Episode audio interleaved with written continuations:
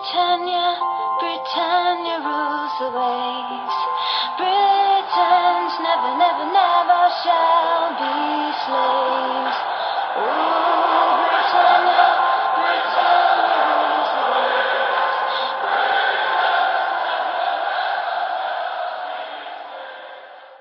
Hej och välkomna till avsnitt 232 utav Svenska FBL-podden. Det här är vårt sista avsnitt som vi spelar in inför deadline för Game Week 1 som är nu på fredag. Vi ska prata hur våra tre olika drafts ser ut och jag är oerhört spänd på detta då jag inte har, har sett några utav era lag. Eh, vi spelar in tisdagen den 8 augusti och med det sagt så är det ju några dagar kvar fram till deadline och Eh, skickar in den brasklapp som vi gör varje säsong när vi spelar in det här avsnittet att eh, det kan och förmodligen kommer att ändras lite på små saker eh, kring hur vi presenterar lagen nu. Men det är också mycket som är fast i, i byggena. Agendan för dagens avsnitt är att vi först snabbt ska prata igenom lite Community Shield och vad vi lärde oss där. Vi ska eh, prata lite kring våra ligor och våra fina prisbord som vi har i ligorna så att ni inte missar att gå med. Vi ska även prata lite utlottningar som man kan välja att hoppa med och eh, vinna fina priser. Eh, sen så har vi en del spelare som har presenterats med FBL-priser sen vi spelade in senast och vi går igenom dem och kikar lite innan vi hoppar in i ja, men den stora punkten som såklart är våra drafts och vilka spelare som har varit nära och kanske kan krypa in men inte är där just nu. Och sen sist men inte minst så är det ju Game Week 1 och vi ska ha en kaptensdiskussion precis som vi har i ja, men alla våra ordinarie avsnitt. Och eh, med det ska jag säga om ni inte har lyssnat på det tidigare så finns det flera inför avsnitt som redan är släppta och Eh, där vi går igenom målvakter, försvarare, mittfältare och anfallare. Så vill ni gräva djupt så se till att leta i er poddspelare så kan ni lyssna på det också. Nu börjar jag redan bli trött på min egna röst och därför så får jag väl börja med att eh, säga grattis Stefan som, som Arsenal-supporter, en titel redan. Ja, nej, men det är väl alltid trevligt. Eh. Jag, tycker, jag såg inte hela matchen eh, för att jag satt i en bil på väg hem från Skåne efter ett, eh, efter ett bröllop. Men, men den delen jag såg var ju nog den bästa, bästa Arsenal-delen i hela matchen. Det var eh, andra halvan av, av första halvlek. Eh, då tyckte jag att det såg riktigt trevligt ut. Resten av matchen så hörde jag mest på om jag hade den på i bilen och hade den på, på radio, eller hörde kommentatorerna. Eh, och då var det väl, City var lite vassare i andra, men, ja, men ändå en, liksom, en jämn match över, över 90 minuter och så hade vi lite, lite flyt på eh, slutet där med Trossards eh, styrda skott som, som går in och, och sen i straffläggningen så ja, men började ju De Bruyne med att slå den hårt i ribban och efter det så, så eh, gav vi inte dem någon chans riktigt där. Eh, Ramsdale plockar Rodris eh, straff också så att eh, det var, blev ju en bekväm seger i, i straffläggningen. Men, nej, men det var skönt. Vi har ruggigt dåligt eh, facit mot Manchester City och eh, får vinna en match oavsett hur, ja, men, vilken match eller hur det ser ut eh, är alltid positivt tror jag. Eh, för att lite städa bort det spöket. Ja men verkligen, vi fick se ett Arsenal som, som firade rätt hårt efter, efter vinsten och ja, ser en del som gör sig lustiga över det, över en match som ja, man kanske inte är superstor men jag tycker det är inget konstigt att, att fira när man vinner. Eh, Fredrik, du är ju van med, med bussparader för, för minsta lilla eller stå och applådera vid ett kopp när man spelar, spelar oavgjort och sånt där. Så att, eh, tycker att, du tycker väl inte heller att det är så konstigt men eh, Fredrik, eh, har du dragit några FPL-lärdomar eller hur mycket kraft lägger du vid en, vid en sån här match eh, så pass nära in, in, inför deadline? Mm, ja, eh, firandet åsido. Eh, jo, men det är klart att det är ju genrepet. Eh, sen ska man ju veta att det är ju inte varje match under säsongen som de här två lagen kommer att möta det här motståndet. Eh, det är ganska få matcher eh, och, och båda lagen har ju ganska ja, men ganska tacksamma inledningar och det är frågan, kommer de eh, älvorna att se exakt likadana ut? Jag tror ju inte det eh, så rakt av. Eh, utifrån att jag tror att framförallt City kommer att attackera på ett annat sätt när de möter Burnley som ska hålla i bollen kontra ett, ett Arsenal som får anses vara titelutmanare. Så att eh, ja, absolut, jag såg matchen och, och, såg vilka som startade och byttes in och hur de såg ut och sådär. Ja, eh, det gäller att, att, ta med sig lagom mycket tänker jag. Mm. Stefan, vad, vad, tänker du där? Vi ser en spelare som Foden inleda på bänk, vi ser en eh, Kai Havertz som kliver upp i eh, liksom den centrala anfallsrollen. Är det någonting du tror vi kommer fortsätta se eller är du också inne på samma spår som, som Fredrik att det mycket väl kan skruvas om när man ska möta Nottingham Forest hemma eller Burnley borta som det är för City? Ja men det tror jag absolut, men å andra sidan har jag sett statistik på för att City brukar ju ofta spela den här matchen eh, och Pep brukar ungefär eh, starta, eller eh, det skiljer ungefär två gubbar från de han startar med i Community Shield till de som har startat sen i första ligaomgången. Så 9 utav 11 startspelare brukar vara samma, samma material. Så jag tycker att liksom, det talar ju mycket för att vi fick se ja, men ett eh, så gott som ordinarie Manchester City eh, vi kan tänka oss. Och sen ja, men vet vi att Guardiola är eh, på ingång där. Eh, men, men, en sån gubbe som jag ändå kanske tror att det skulle kunna eh, skruvas på är ju en, en Phil Foden till exempel. Mm, där och, och målvaktspositionen där Ederson ska väl in. Ja, han ska väl det. Men, men liksom, jag, jag hade inte vågat vara helt 100% där även om, om det känns som att det är ja, 95% eh, sannolikt att han ska in. Eh, men, men vi får se, pepp är ju pepp. Eh, men, men, så mycket mer än så tycker jag inte att man kan eh, dra lärdomar om av, av City. Vi såg en Kevin De Bruyne som kom in i, i andra halvlek. Eh, det är väl liksom, jag, jag, tror inte att det är så många som hade tänkt gå på Alvarez ändå. Eh, och eh, jag vet inte om, jag, jag, har inte sett De Bruyne i så många draftceller även om hans TSB har gått upp en del här efter Community Shield har jag noterat. Eh, så, så det är väl liksom eh, såklart bra att han eh, är frisk och, och hel. Eh, det är framförallt bra för, för Citys anfallsspel skulle jag säga. Mm. Vi, vi kan men, väl säga men... det att det var ju Kevin De Bruynes första minuter han har gjort här på försäsongen. Och eh, det var ju många som förväntade sig att Kevin De Bruyne inte skulle vara tillbaks alls här inför Game Week 1. Nu fick han i alla fall lite minuter men han är knappast redo, redo för några 90, det kan jag inte riktigt se. Um, ja, man hör att du har blivit bränd av Ederson tidigare. Eh, jag är ganska trygg med att ja, men, det, det, rör sig om vem som är kuppmålvakt egentligen och att Ederson kommer starta Game Week 1 känner jag mig väldigt trygg med. Sen betyder inte det att jag kommer starta, starta med Ederson för det. Men äh, mer intressant Stefan, äh, ditt kära Arsenal, Kai Havertz äh, centralt där. Tror du att det är så vi kommer se hemmamatchen mot Forest också? Han gjorde det ju bra och fick mycket beröm av Arteta efter matchen. Eh, men eh, ja, spelare som Trossard inleder bänk, kommer in, gör ju målet som förvisso är en deflection men har ju varit också bra på försäsong och det finns ju lite alternativ och kanske plocka ner Kai Havertz på, på en mittfältsroll och spela lite mer offensivt balanserat. Ja, nej, men jag tror ju absolut att vi fick se att i de tuffa matcherna så kommer vi spela med Partey och Rice. Det tror jag är första, eh, liksom, det tror jag är tanken. Eh, bara för att liksom, försöka vinna det där mittfältet. Eh, och, och Forest är ju inte en sån match där man behöver göra det. Så, så det ska bli spännande att se hur offensiv eh, Arteta är där, om, om det blir en balansspelare istället och att man flyttar ner Havertz. Eh, och, för jag tycker det är väldigt, väldigt svårt att peta Trossard efter en grym försäsong. Eh, ett bra inhopp här mot City, även om att liksom, målet är ju såklart turligt. Men, mm. men han ser ju ut att vara i bra form och, och liksom, han ja, men får han starten så, så, tror jag att han kommer göra det riktigt bra. Eh, och då tror jag väl att han får starten på topp eh, mm. som, som falsk nia.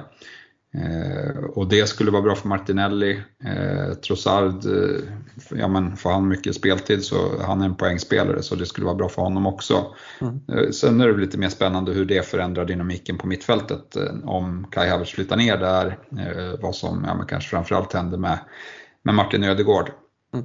Eh, I övrigt eh, ja, men så måste man ju liksom eh, reflektera över att Saliba är tillbaka. Mm. Håland hade ett XG på 0,00 efter första halvlek och det var liksom, Saliba tog hand om honom riktigt bra. Det är sån jävla förbättring för Arsenal att ha honom tillbaka. Så det är ju en ja, men i FPL-mässigt så är det ju tydligt att, att det gör försvarsspelarna i Arsenal mer intressanta än när han var skadad. Mm. Eh, no några ord om Enketia, du pratar om eh, Trossard här, pratar om Kai Havertz, men eh, Enketia, är det så att han kan leta sig in och få, få en startplats? Nej, jag tror inte det. Jag tror, jag tror att det är Trossard, eh, Trossards chans om, om inte Havertz, eh, om de inte fortsätter med, med Rice och Partey på, på mittfältet då och spelar, eh, spelar med Havertz på topp. Eh, då tror jag att det är Trossard som, som kliver in först där faktiskt. Mm. det gör jag. Ja. Eh, en annan reflektion är väl lite kring straffläggningen. Arsenal brukar ju skicka fram sin första straffskytt och ta första straffen. Eh, och i straffläggningen så var det Ödegård som eh, klev fram och, satte dit första straffen. Jag har faktiskt skrivit ner exakt det. Ehm, och jag tror att det kan, kan vara något eller försöker vi leta efter saker som inte riktigt finns? Vi kanske försöker leta efter saker. Det är såklart olika strategier i, i straffläggningar och liksom hur, hur spelarna snackar ihop sig och, och, känner så. Så jag skulle inte säga att det är bekräftelse eh, och, och Arteta har inte fått någon fråga om det. Eh, men, men Saka brände ju eh, en straff här på försäsongen och han brände ju även eh, en i slutet av förra säsongen eh, mot West Ham tror jag det var. Så att ja, det, det, det finns något där. Det, det är lite så här jag skulle säga att det är kanske är 75% att Saka är första straffskytt, men, men jag, jag, vill ändå flagga upp det som en möjlighet att Ödegård eh, skulle kunna vara första straffskytt. Mm. Ehm, Fredrik, eh, Stefan var inne på det här, Saliba gjorde det bra mot Håland. Håland går mållös, han har gjort det nu i några matcher. Ehm, det är knappast så att man eh, liksom plockar bort honom från sitt fantasybygge, i alla fall inte för egen del. Ehm, men ja, finns det någon oro här inför inför Game Week 1 och en kaptensbindel som ska sättas dit? Nej, tvärtom. Jag är så sjukt nöjd med att Håland eh, har krånglat dit under försäsongen. Det gör ju att en del kommer tycka nu att ja, men jag skeppar honom, tar in någon annan eller skippar binden där. Men gör det ni, jättebra. Det är, jag är bara glad för varje manager som plopp, plopp, plopp poppar bort därifrån. Det gör liksom att det effektiva ägandet sjunker. Eh, för att jag tror att det kommer vara påställt när Premier League börjar på ett annat sätt. Mm. Eh, och man kommer inte möta Arsenal, man kommer inte möta William Saliba varje vecka utan det ska mötas lite benknäckargäng också och då har vi sett hur det, hur det har gått tidigare. Så att jag eh, eh Ingen källa till oro för egen del, tvärtom. Som sagt, att han liksom så haltar lite på för, det här med bra försäsonger, du har nämnt tidigare, men, men Keita, liksom, han har förstört lite bra försäsonger för min del. Jag, jag, jag eh, ger inte supermycket för det som att det skulle vara någon garanti att man liksom rider in i en bra eh, liksom PL-säsong. Det kan vara så, men det är långt från någon garanti. Och samma sak tvärtom, då, om man gör en dålig försäsong så innebär det inte att det, det kommer börja knackigt. Så är det någon som bara kan takta igång och, och, och dra ett hattrick i premiären så är det ju norrmannen. Mm. Och där lägger vi Community Shield bakom oss. Eh, jag skulle tro att vi kommer komma tillbaka till vissa av de här spelarna och prata när vi kommer till våra drafts. Men eh, innan dess eh, tycker jag att vi, ja, det är vår förbannade skyldighet att påminna alla er lyssnare om våra ligor och våra prisbord. Vi har poddligan som är helt gratis att gå med i och ett prisbord på, med priser upp till 27 000 kronor att tävla om. Eh, och eh, ja, men första priset är ett presentkort på en, på en eh, fotbollsresa på 5000 kronor och det är ju inte fy skam att vinna eh, om ja, i en liga som inte kostar någonting att vara med i.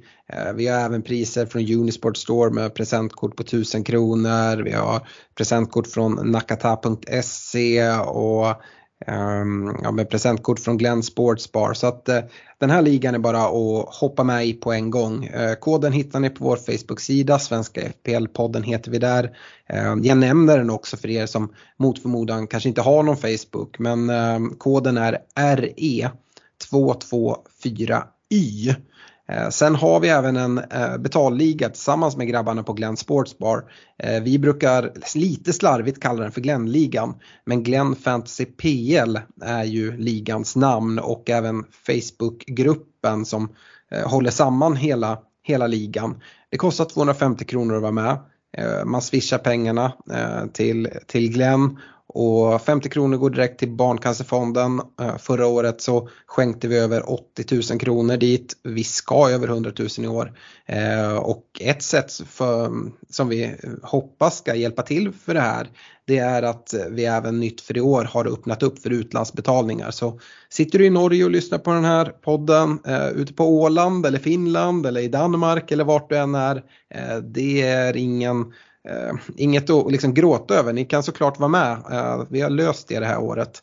Så um, gå in och, och, kolla in Glenn Fantasy PL och det gäller ju att ha gått med i ligan och, och swishat in de här 250 riksdalerna Ehm, innan, eh, innan allting drar igång. Och swishen är såklart för svenska spelare, utlandsbetalningar, det kan man läsa om hur man gör och ehm, ja, går tillväga både på vår, vår Facebook-sida och eh, på Glenn Fantasy PL. Um, ehm, ja, koden är eh, 2G1QSI men man behöver här kolla upp eh, lite hur man ska göra med betalningen också och vilket nummer man ska swisha till. Så att eh, om ni inte har Facebook, eh, kasta iväg ett mail till oss på svenskafpl.gmail.com så kan vi skicka all information samlat istället. Så eh, kan ni komma med där och se till att inte vila på, vila på hanen för det är alltid några eftersläntrare som kommer där efter deadline för Game Week 1 och så, oh, kan man hoppa med nu? Nej, det kan ni inte. Och eh, Fredrik, den det, det, fina med Glenligan som jag varit inne på så många gånger eh, såklart ett liksom, säsongspris som, eh, som är ordentligt men de här priserna som är under hela säsong och kanske framförallt månadspriserna gillar vi lite extra. Ja, men det är de som är, gör eh, ligan helt unik, just månadspriserna. Att du tävlar om liksom, fotbollsresor till liksom, ja, hisnande värden eh, varje månad. Det är ju någonting som är men jag vill ju säga att med Glenligan har vi knäckt koden. Eh, koden för hur man håller FPL roligt för en stor massa under en hel säsong. För vi är ju ett gäng nördar som tycker att det här är skitkul under en hel säsong. Ja, i alla fall. Nästan en hel säsong. Ehm, eh, och med liksom Glenligan, med möjligheten att vinna under hela säsongen oavsett hur det går i totalen.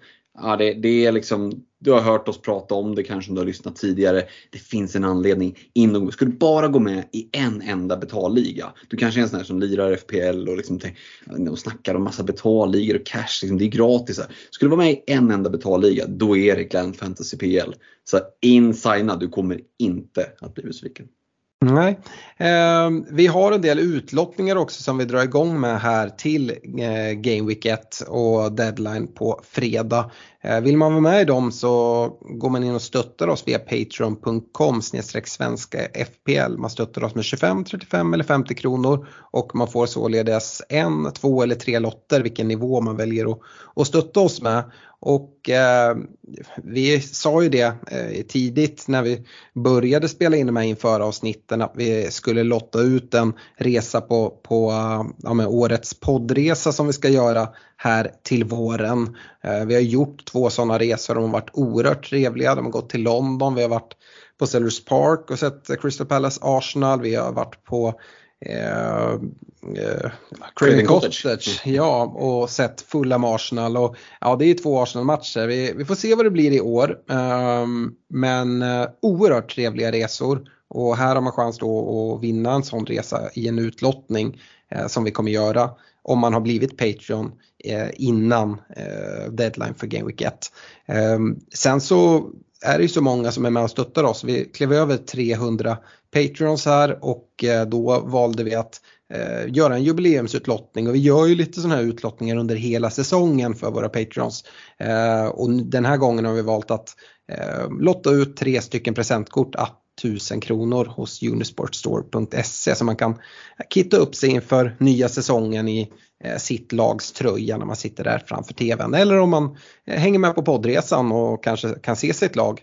Ehm, utöver det så vill jag slå ett slag för våra fina Messenger-trådar där vi hjälper varandra. Både vi i podden är med där men alla våra andra patreons och initierade managers där man under säsong får hjälp med att eh, ja, vad har sagts på presskonferenserna och hur ser spelare ut om du inte eh, ser alla tio matcher per omgång Så du, jag kan lova dig att det är någon av våra Patreons som har sett eh, någon match och man får en bra rapport vad, hur det har sett ut och så. Eh, dessutom så eh, nu när vi är, närmar oss Game Week 1 och vi har det här draftavsnittet, jag började med att kasta ut en sån sak som att vi eh, vi eh, kommer säkert ändra lite i våra byggen och vill man hänga med i våra byggen och, och, se vilka byten vi gör under säsong och kanske framförallt nu inför Game Week 1 hur laget verkligen kommer se ut där vid deadline. Ja men då är det bäst att man är Patreon. Eh, vi skriver om det i Messenger-tråden men vi kommer även spela in en Discord här på eh, torsdag eh, den här veckan. Där, eh, ja, torsdag kväll där vi går igenom hur våra byggen har förändrats från det vi presenterar nu och hur det ser ut eh, och lite tankar. Men vi ger också eh, feedback på era byggen om ni vill det. Vi svarar på frågor eller dilemman som ni sitter med inför Game Week 1. Så hoppa med, eh, det blir kul. Eller vad säger du Stefan? Hiring for your small business? If you're not looking for professionals on LinkedIn, you're looking in the wrong place. That's like looking for your car keys in a fish tank. LinkedIn helps you hire professionals you can't find anywhere else, even those who aren't actively searching for a new job but might be open to the perfect role. In a given month, over 70% of LinkedIn users don't even visit other leading job sites. So start looking in the right place. With LinkedIn, you can hire professionals like a professional. Post your free job on linkedin.com slash people today. Ja, nej, men det blir sjukt kul. Det är, det är kul att den kanalen fortsätter växa. Eh, men det är även, eh, liksom, nu, nu börjar det bli liv i, i två Messenger-trådar där och, och nej, det, det är ruggigt eh, eh, spännande och det är ju även sjukt spännande att det bara är tre dagar kvar tills, tills FPL är igång igen. Det är jag ja. ruggigt taggad på. Ja, eller hur. Eh, vi har en del nya spelare som har blivit klara för klubbar och har fått sina FPL-priser avslöjade. Jag tänkte Fredrik att vi kunde kika in lite där. Vi såg ju bland annat en Guardiol, en liksom transfersoppa som har ja, men, känns, dragit ut på tiden, det, det, var klart och sen så tog det lite tid. Men nu är han presenterad, eh, går in på 5,0 och mm. eh, jag hade väl förväntat mig 5,5 precis som Ruben Diaz eller John Stones. Men 5,0, ja men det lockar ju faktiskt. Ja, kanske inte från Game Week 1 men eh, det är ju definitivt någon att hålla span på. Vi tror ju att han kliver rakt in i elvan så mycket man nu kan göra det i Man City eh, under, under Pep Guardiola. Men, eh, nej, men det här är ju en eh, svinbra spelare. Sen får vi se lite hur han kommer att, att ligga på sån sak som bonuspoäng och vilket offensivt hot han kommer att kunna erbjuda när han spelar samtidigt som Stones till exempel. Eller kommer han att vara ett riktigt defensivt anka. Och det finns ju lite liksom kvar att, att spana på. Men för 5,0 alltså, kollar vi på övriga vilka backar som kostar 5,0 då, då känns han ju kanske som den allra mest intressanta av de som man inte har i bygget. Mm, spelskicklig och mm. eh, passar bra in i Peps spel så. En offensiv mittback med ett offensivt hot. Uh, jag tycker att det är oerhört intressant. Sen så om man ska rätt in i elvan, du sa det, ja, men kanske inte till Game Week 1, så, men också framåt. Jag vet Pep, ibland är han oerhört försiktiga med spelare som kommer nytt in och de har ju lagt väldigt mycket pengar uh, på Guardiol. Uh, men det, jag tror också att det är inget som stressar Pep utan det kan få ta lite tid. Så det är ett bra läge att bara avvakta. Just så här till Game Week 1 tycker jag att de flesta av de här spelarna som vi pratar om nu inte är så intressanta för att det är kort fram till, till Game Week 1 drar igång och ja, man ska komma in i laget och allting sånt här. Så jag tycker det är bra läge att, att vänta och se. Men till ett pris på 5,0 så, så kan han mycket väl vara intressant på sikt. Eller vad, vad säger du Stefan?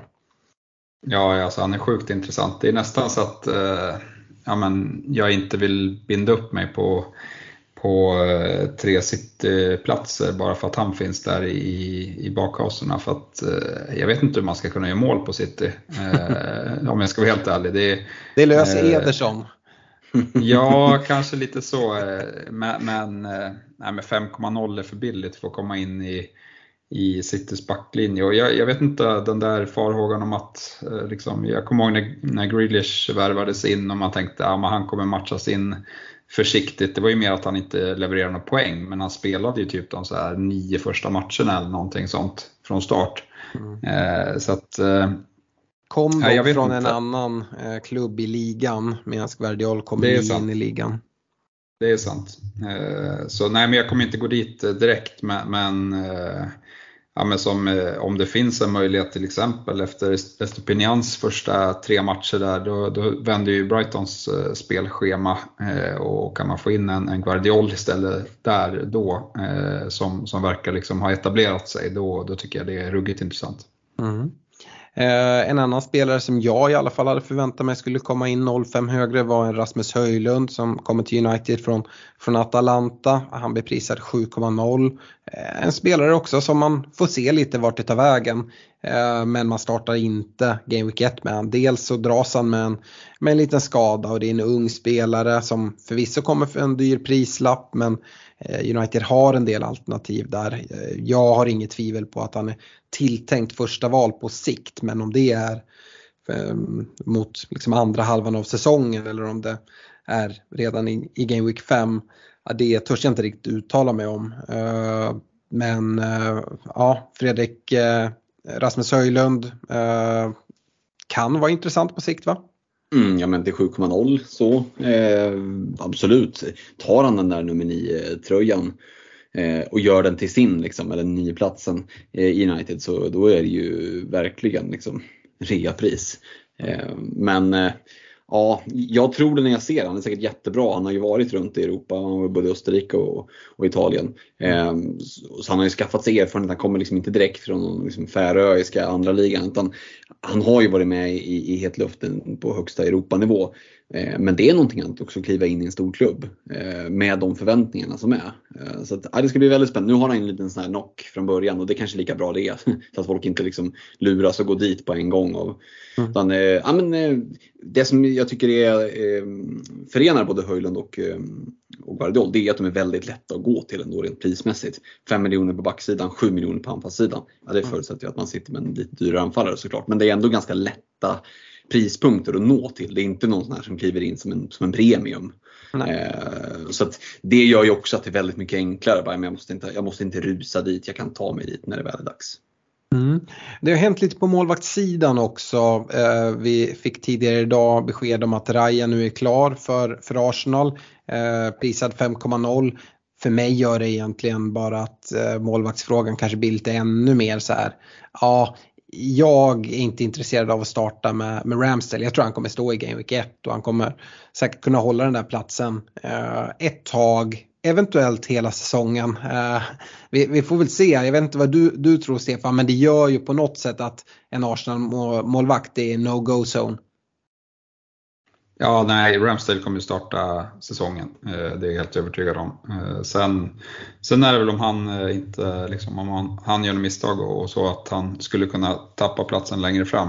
Absolut, men jag tror att han har ganska mycket förtroendekapital ändå här i inledningen av säsongen. Men liksom den lilla osäkerheten, om man inte, ja men om man om man var liksom lite tveksam innan, eh, eller det finns ju andra alternativ i den prisklassen, så tycker jag att, eh, att det här i alla fall tippar över. Eh, att det, det är dumt att gå dit, framförallt när det, ja, när det finns ett gäng Arsenal-backar för 5,0 mm. också.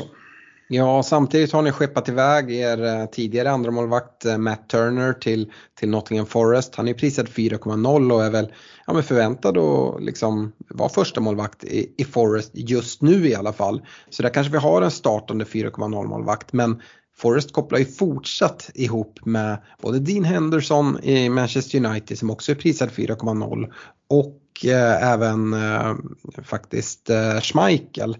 Eh, och ja, vi har ett transferfönster som är öppet hela vägen eh, augusti ut så att eh, ja, jag vet inte hur mycket man ska räkna med det.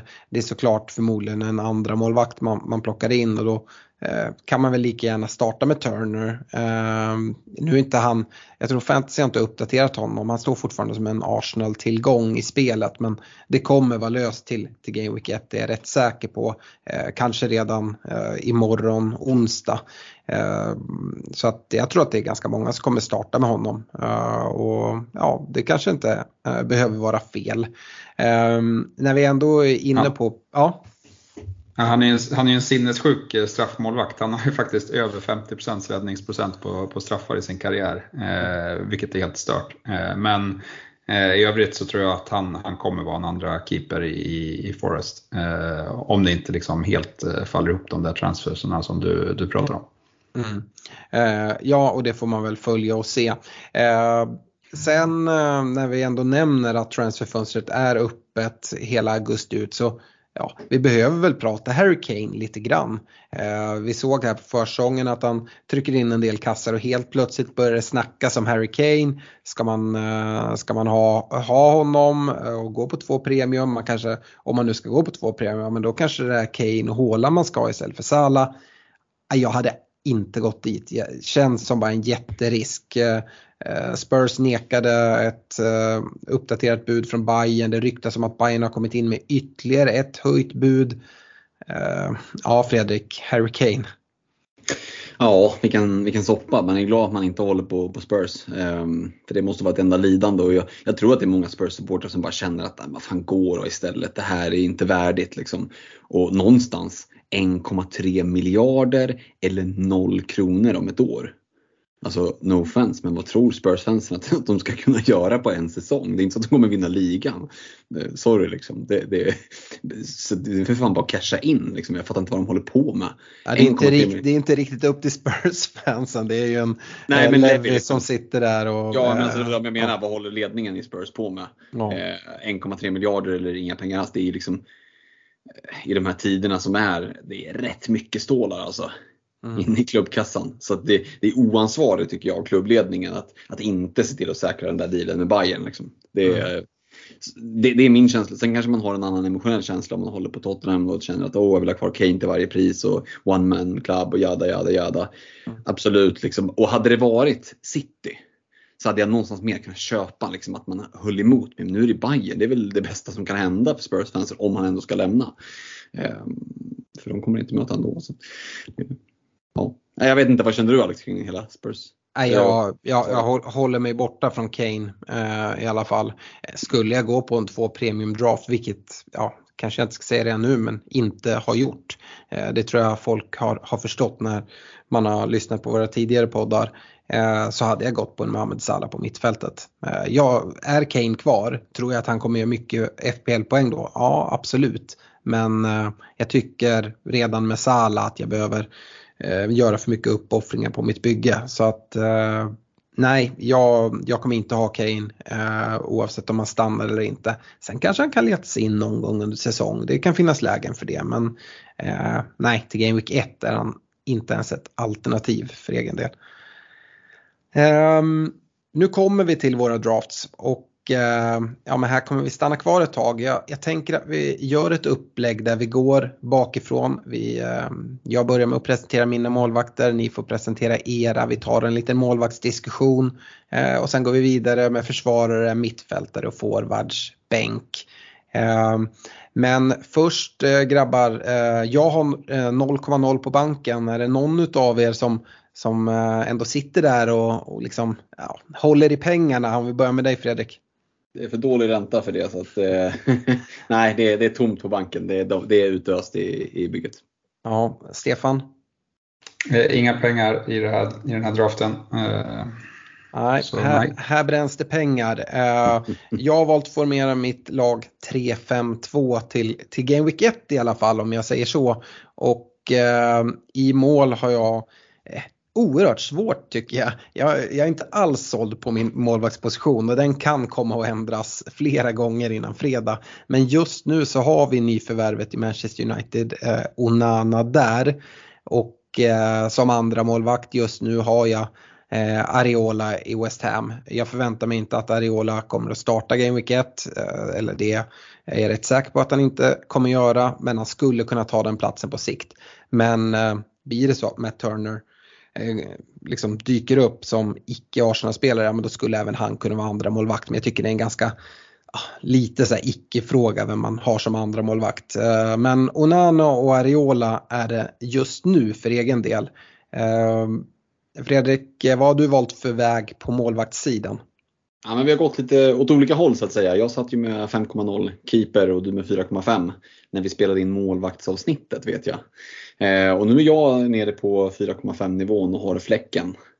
Eh, utifrån att Raja lämnar eh, ett Brentford och eh, jag utgår från att Fläcken trots en, en skakig försäsong kommer att ta eh, första spaden i Brentford. Vi vet att Brentford sen tidigare är tajta bakåt och eh, nej, men jag, försöker, jag tycker att det här är den svåraste positionen uh, just nu att hitta rätt på. För det, jag håller med dig, det känns inte bra i magen och jag har provat hälften av alla keepers i hela spelet. Uh, så att jag, jag tar fläcken. Jag tänker bara att hoppas att han får stå. Brentford har ju också ett fint inledande schema och jag har tänkt lite så här att jag kommer förmodligen dra ett wildcard. Vadå? Game Week 7, 8 ish någonting. Och då tycker jag att Brentford är ett av de lagen som har eh, ett riktigt, riktigt bra schema fram tills dess. Eh, och, ja. Sen hur mycket det resulterar i hålla nollor, det återstår väl att se. Men eh, ändå bra defensivt gäng, bra schema, en 4,5 keeper. Jag landar i fläcken. Och sen Ariola som backup, men där har ju du lagt ut redan. Så jag håller mig till att motivera fläcken. Mm. Eh, Stefan, eh, Fläcken, Onana, eh, är det någon av dem som har letat sig in i ditt bygge? Det har det inte. Eh, jag har varit mycket inne på, på fläcken men, men jag tycker han, han verkar inte ha gjort den bästa av försäsonger. Eh, har, har väl varit rätt eh, ostabil. Eh, men idag så var ju faktiskt eh, Roy Hodgson ut och eh, sa att Goita vill, vill lämna Pallas för att han är väl tilltänkt andra målvakt inför säsongen här. Och därför har jag plockat in Johnston och även fått lite mer ja, men säkerhet kring, kring det valet. Avslutade säsongen riktigt bra, gjorde Pallas under, under Hodgson och eh, Johnston verkar fortsatt vara, eh, ha förtroende där så att eh, han kör jag med och jag kommer plocka in Turner om han skiftar lag innan, innan deadline på fredag. Mm. Och eh, jag ska väl vara villigt erkänna att jag har lekt med en 4,5 målvakt flera gånger. Egentligen utan att använda de här 05 speciellt ofta utan jag är ganska nöjd med mitt bygge ändå. Men det är alltid skönt att ha de där 05 vilket ger en flexibilitet om någon stiger i värde lite grann eller sjunker lite i värde om man vill byta ja, men en 5,0 försvarare till en annan 5,0 försvarare där den ena kanske kostar 4,9 eller 5,1 så behöver man inte vara supertidig på avtryckarna även om jag inte tycker om att tappa lagvärde tidigt på säsong. Ehm, så kan det ibland vara skönt att inte känna sig stressad till att göra det. Ehm, och som jag var inne på, jag har lekt både med tanken på fläcken och eh, Johnstone som ni nämner. Andra 4,5 målvakter som jag vet är, är eh, rätt populära är Pickford. Där är jag inte alls lika såld. Troliga jag startar med Johnstone eller eller fläcken. Eh, däremot Fredrik vill jag höra lite tankegång. Eh, vi är inne på det, fläcken inte gjort det superbra här. Eh, och de har ju en duktig andra målvakt som de värvade in från Lazio förra säsongen i Strakosha. Du har inte funderat på att liksom dubbla upp Brentfords målvakterna för 8,5 för Strakosha kostar ju 4,0 ehm, för att lite säkra dig från att om han tappar sin plats eller tänker du att det gör han i alla fall inte innan jag drar mitt wildcard som du, som du pratade om? Ja men det är lite det, det sista resonemanget du är inne på. Det. Jag tror nog att jag kommer att dra ett tidigt wildcard och så länge utgår jag från att han håller. Liksom, då, då ska han ju bort sig fullständigt. Jag, mm. jag håller det nästan för mer sannolikt att jag skulle börja vilja ösa in eh, men lite utespelare från Brentford och då vill jag inte låsa mig helt till, nu har jag ingen där i draften just nu, men det skulle kunna vara så att det letar sig in någon ändå och då, mm, då, då är det, jag ser nästan det som en, en, större sannolikhet även om den kanske inte är superstor den heller. Mm. Eh, så att jag, jag kommer att, jag vet inte att man ska kalla det för gambla, men jag kommer att, att eh, lägga mina ägg i fläckenkorgen. Mm. Eh, jag ska säga det att när jag har haft fläcken så har jag haft Strakosha som andra målvakt. Eh, mm. Jag tycker eh, att det ser ganska bra ut och eh, en anledning är väl att absolut, jag ser också mig själv förmodligen dra ett wildcard. Eh, ja, men förmodligen innan Game Week 8-9 någonting sånt där. Men eh, är det så att det inte behövs så är det faktiskt rätt fint att sitta med den där framåt Game Week 18 när man liksom måste dra sitt första wildcard. Eh, och är det så, ja men då skulle Fläcken faktiskt kunna ha tappat sin, sin position och mm, ja men då har man någon form av trygghet. Men det är ifs and buts eh, och det är som du säger, det kan vara så att man låser upp sig i Brentford men ja, jag tror ändå att det det räcker med en Brentford utespelare. Jag kommer inte vilja ha någon försvarare om jag har målvakten därifrån. Och då kommer vi egentligen fram till ja, men, de två intressanta eh, Brentford-spelarna i Mboemo och vissa att mm. dubbla upp den offensiven. Nej, jag tror inte att vi kommer se ett sånt Brentford där, där det är ett alternativ, för mig i alla fall.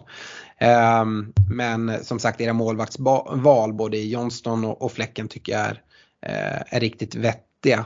Eh, Stefan, är det någon annan 4,5 målvakt som, som du har lekt lite med tanken? Jag satt och lekte lite med, med Jason Steele i, i Brighton. Eh, ja, men det har man väl kanske tänkt sen med tanke på eh, på att eh, han kommer också starta säsongen som första keeper eh, och är billigare än Estopinian. Men jag vet inte, Estopinian är sån jäkla joker offensivt tycker jag. Eh, så att eh, jag vill nog sitta med honom här första, första gameweeksen. Eh, mm. Och så får, så får så då, jag vill inte dubbla upp Brighton-defensiven. Så jag har inte tänkt så mycket på det. Estopinian har suttit där i typ hela, hela försäsongen och han har inte gjort skäl och, och liksom transfer och, och bytas ut någon gång. Så att Nej, han får bli kvar. Eh, men, men eh, annars eh, är jag bekväm med att gå på fläcken och, och, som sagt att man är trygg med att, att man har backupen i sånt fall. Mm. Så hade jag spelat där mm. i, också. Mm. Fredrik, för egen del då, några andra 4,5 målvakter som du har fingrat på?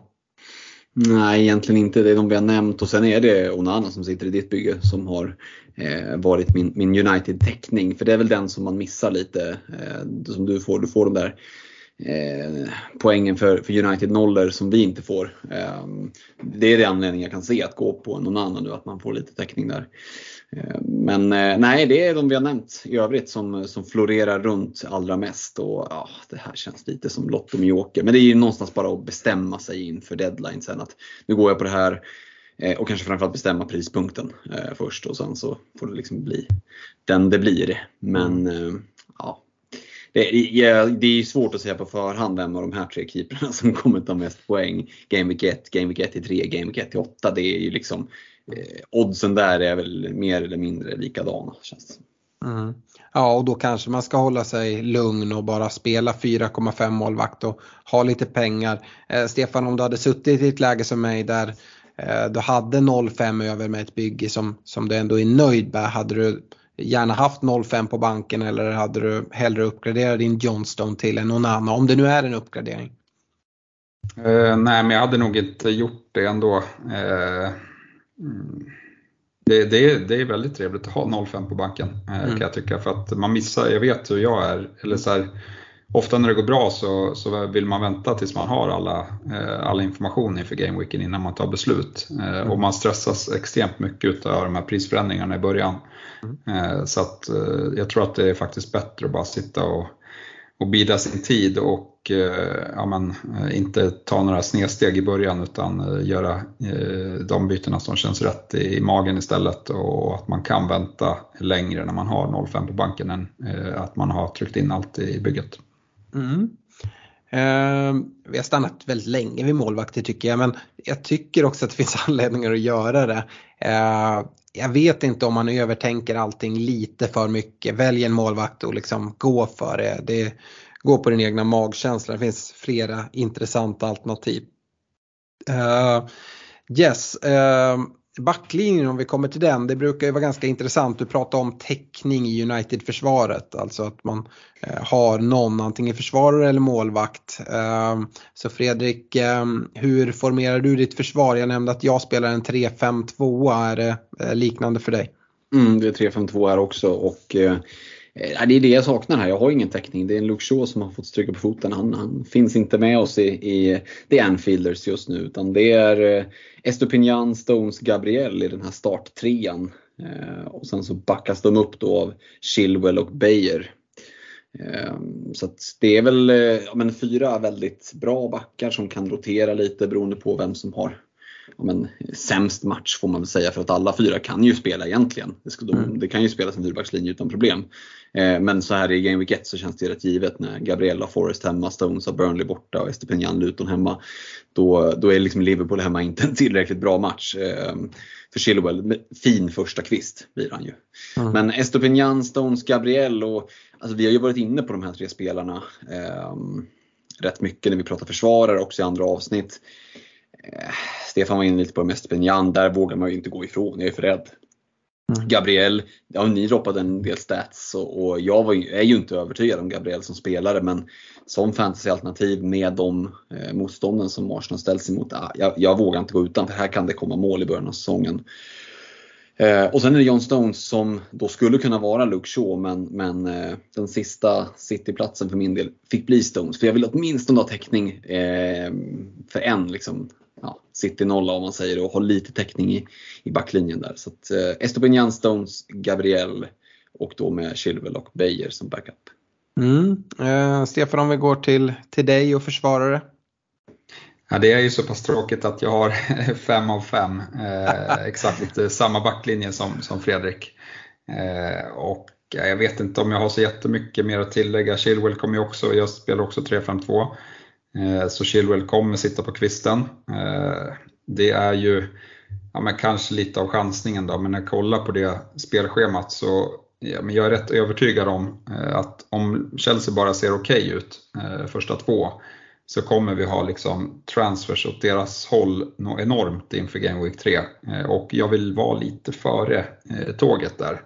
Eh, kanske plocka in eh, Reece James eh, och sitta dubbelt om, om, det, om det ser så pass eh, lovande ut eh, på, på det hållet. Eller så kommer det troligtvis utkristallisera sig eh, någon mittfältare eh, eller eh, att eh, ja, men, Blaovic kommer in eller om, om Jackson fortsätter se bra ut. Att, ja, men, att man redan har en Chelsea-gubbe på kvisten där tycker jag att, gör att man ligger ändå lite före eventuellt om, om nu Chelsea kan leverera på det utan att ja, men man offrar inte så speciellt mycket, han, kostar bara 5,5 eh, så, så, jag tycker att man har, ja, men har fog att ha han på bänken här i, i en game week för att sen eh, ja, men eventuellt ligga lite före. Mm. Eh, det är ju oerhört tråkigt. Jag, jag sticker ju ut här. Eh, jag tänker inte ha samma fembackslinje utan jag har Gabriel, eh, Estupinian eh, och eh, Stones i en trebackslinje. Så jag har Chilwell, etta på bänken. Sen äh, har jag gått på guldkornet här som ni helt har missat. Äh, nej, skämt åsido. Jag har en annan 4,0 försvarare och den platsen är också rätt öppen. Men just nu så går den till Issa Caboret i, i Luton Town.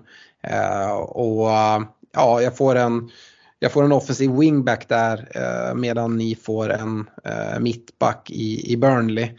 Uh, både Burnley och Luton ska man ju säga har blank game week redan i game week 2. Um, ehm, så att ja, jag, jag vet inte. Jag hoppas inte behöva nyttja eh, uh, Cabore uh, eh, någonting. Uh, och skulle det vara Beijer, vilket det också skulle kunna vara, så eh, är det samma där. Det finns ju, det skulle kunna vara eh, en, en Baldock från Sheffield United också. Fördelen med honom är att han inte har blank i Game Week 2. Men kommer jag behöva använda min andra avbytare som, som Kabore ändå kommer vara eh, redan i min Game Week 2? Jag hoppas ju inte det. Ehm, så att, ja. Ja, vi får se. Eh, det vi kan stanna upp vid är att vi är oerhört tråkiga, men vi är inte ensamma om det. Eh, Estopinian är den eh, mest ägda försvararen utav alla just nu. Stones är trea och Gabriel femma. Det är bara Trippier och, och Luke Shaw som letar sig in på, på topp fem före en, en Gabriel. Um, och ja, jag har inte så mycket att säga. Det är väl ingen, ingen av de här försvararna som jag tycker är så här eh, supergivna. Gabriel kanske är den som är mest given för mig utav dem. Eh, som ger täckning i Arsenal-försvaret, tycker att Arsenal har ett eh, väldigt fint inledande spelschema, gillar hans offensiva hot även om man eh, såklart inte kan hålla på och räkna med och, och få få mål från skallen. Jag tror du tog upp någon, någon, statistik i något tidigare avsnitt Stefan att de lag ni möter där i början är rätt dåliga på huvudet men även med de siffrorna så eh, har jag svårt att säga eller ge någon garanti på att Gabriel kommer göra ett eller två mål de första inledande åtta matcherna eller något sånt där. Eh, utan, han kommer nog göra något no, no, mål på huvudet eh, under säsong. Om det ham, hamnar de första åtta gameweeksen eller om det är eh, senare på säsongen, ja det vet jag inte. Eh, Estupinian, ja, jag har lekt med tanken ändå med en stil i kassen istället. Och, Ehm, spara 0,5 där. Eh, dessutom ytterligare 0,5 då att det i så fall Onana skulle bli skulle bli stil. Ehm, men eh, nej, jag, jag har inte gått den vägen. Ehm, gillar som sagt hans offensiv. Och ja, men Stones är väl också sådär att ja, bra att ha täckning i City, City-defensiven. Eh, Chilwell kommer absolut inte sitta på bänken varje vecka utan kommer nog nyttjas ganska mycket. Det är ju en första match som förvisso är hemma på Stamford Bridge men mot ett Liverpool där jag tror att båda lagen kommer göra mål. Eh, hade, inte, hade inte hatat att spela han i Game Week 1 ändå uh, på vänsterkanten där på, på Trents sida. Men uh, ja, eh, just nu sitter han på bänken. Eh, hur, hur tråkigt är det här då Fredrik med att vi sitter med, med ja, du, och Fred, du och Stefan med helt identisk fembackslinje? Ja, men jag vet inte om det var i, i något tidigare poddavsnitt eller om det var när jag gästade Fantasyguiden eh, och pratade FPL versus Allsvenskan Fantasy. Det får ni lyssna in på om ni inte har gjort den. Eh, som jag nämnde det att eh, det kommer att vara väldigt mycket template i början. Vissa lag kommer se nästan likadana ut. Tänk er det här som ett, eh, ett parti schack. Alltså, alla startar på exakt samma sätt. Och efter typ åtta drag då har du fler kombinationer än vad det är vadå, meter i månaden. Eh, så det kommer att liksom skilja sig sen. För folk börjar göra byten, folk bänkar olika spelare. Det kom, och så, allt eftersom så går man sin egen väg. Det är helt, och, och, liksom, eh, slaviskt följer och gör samma byte som någon så kommer du att hitta din egen väg. Det är inte farligt att vara template i början. Det är, tvärtom brukar, brukar i alla fall vara ganska klokt att hålla sig någorlunda. Beroende lite på hur man vill spela såklart. Vill man ligga etta efter Game Week 1, nej men då kanske man inte ska ha template. Men vill du ligga etta får du också vara beredd på att ligga typ sist. Eh, om man ska vara krass. Så att jag tycker inte folk ska vara så rädda för att gå template i början. Eh, det kommer kännas, kännas lite trögt för den som är lite sådär uh, trigger happy och liksom vill sticka ut i början. Men nej, jag, eh, varningsflagg för att vilja sticka ut för mycket. Det är inte farligt att gå template till en början. Mm.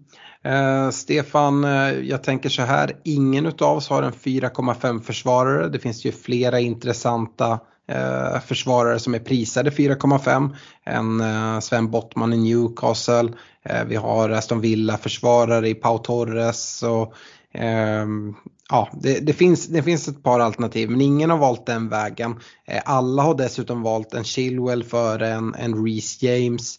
Eh, ja, dina tankar där?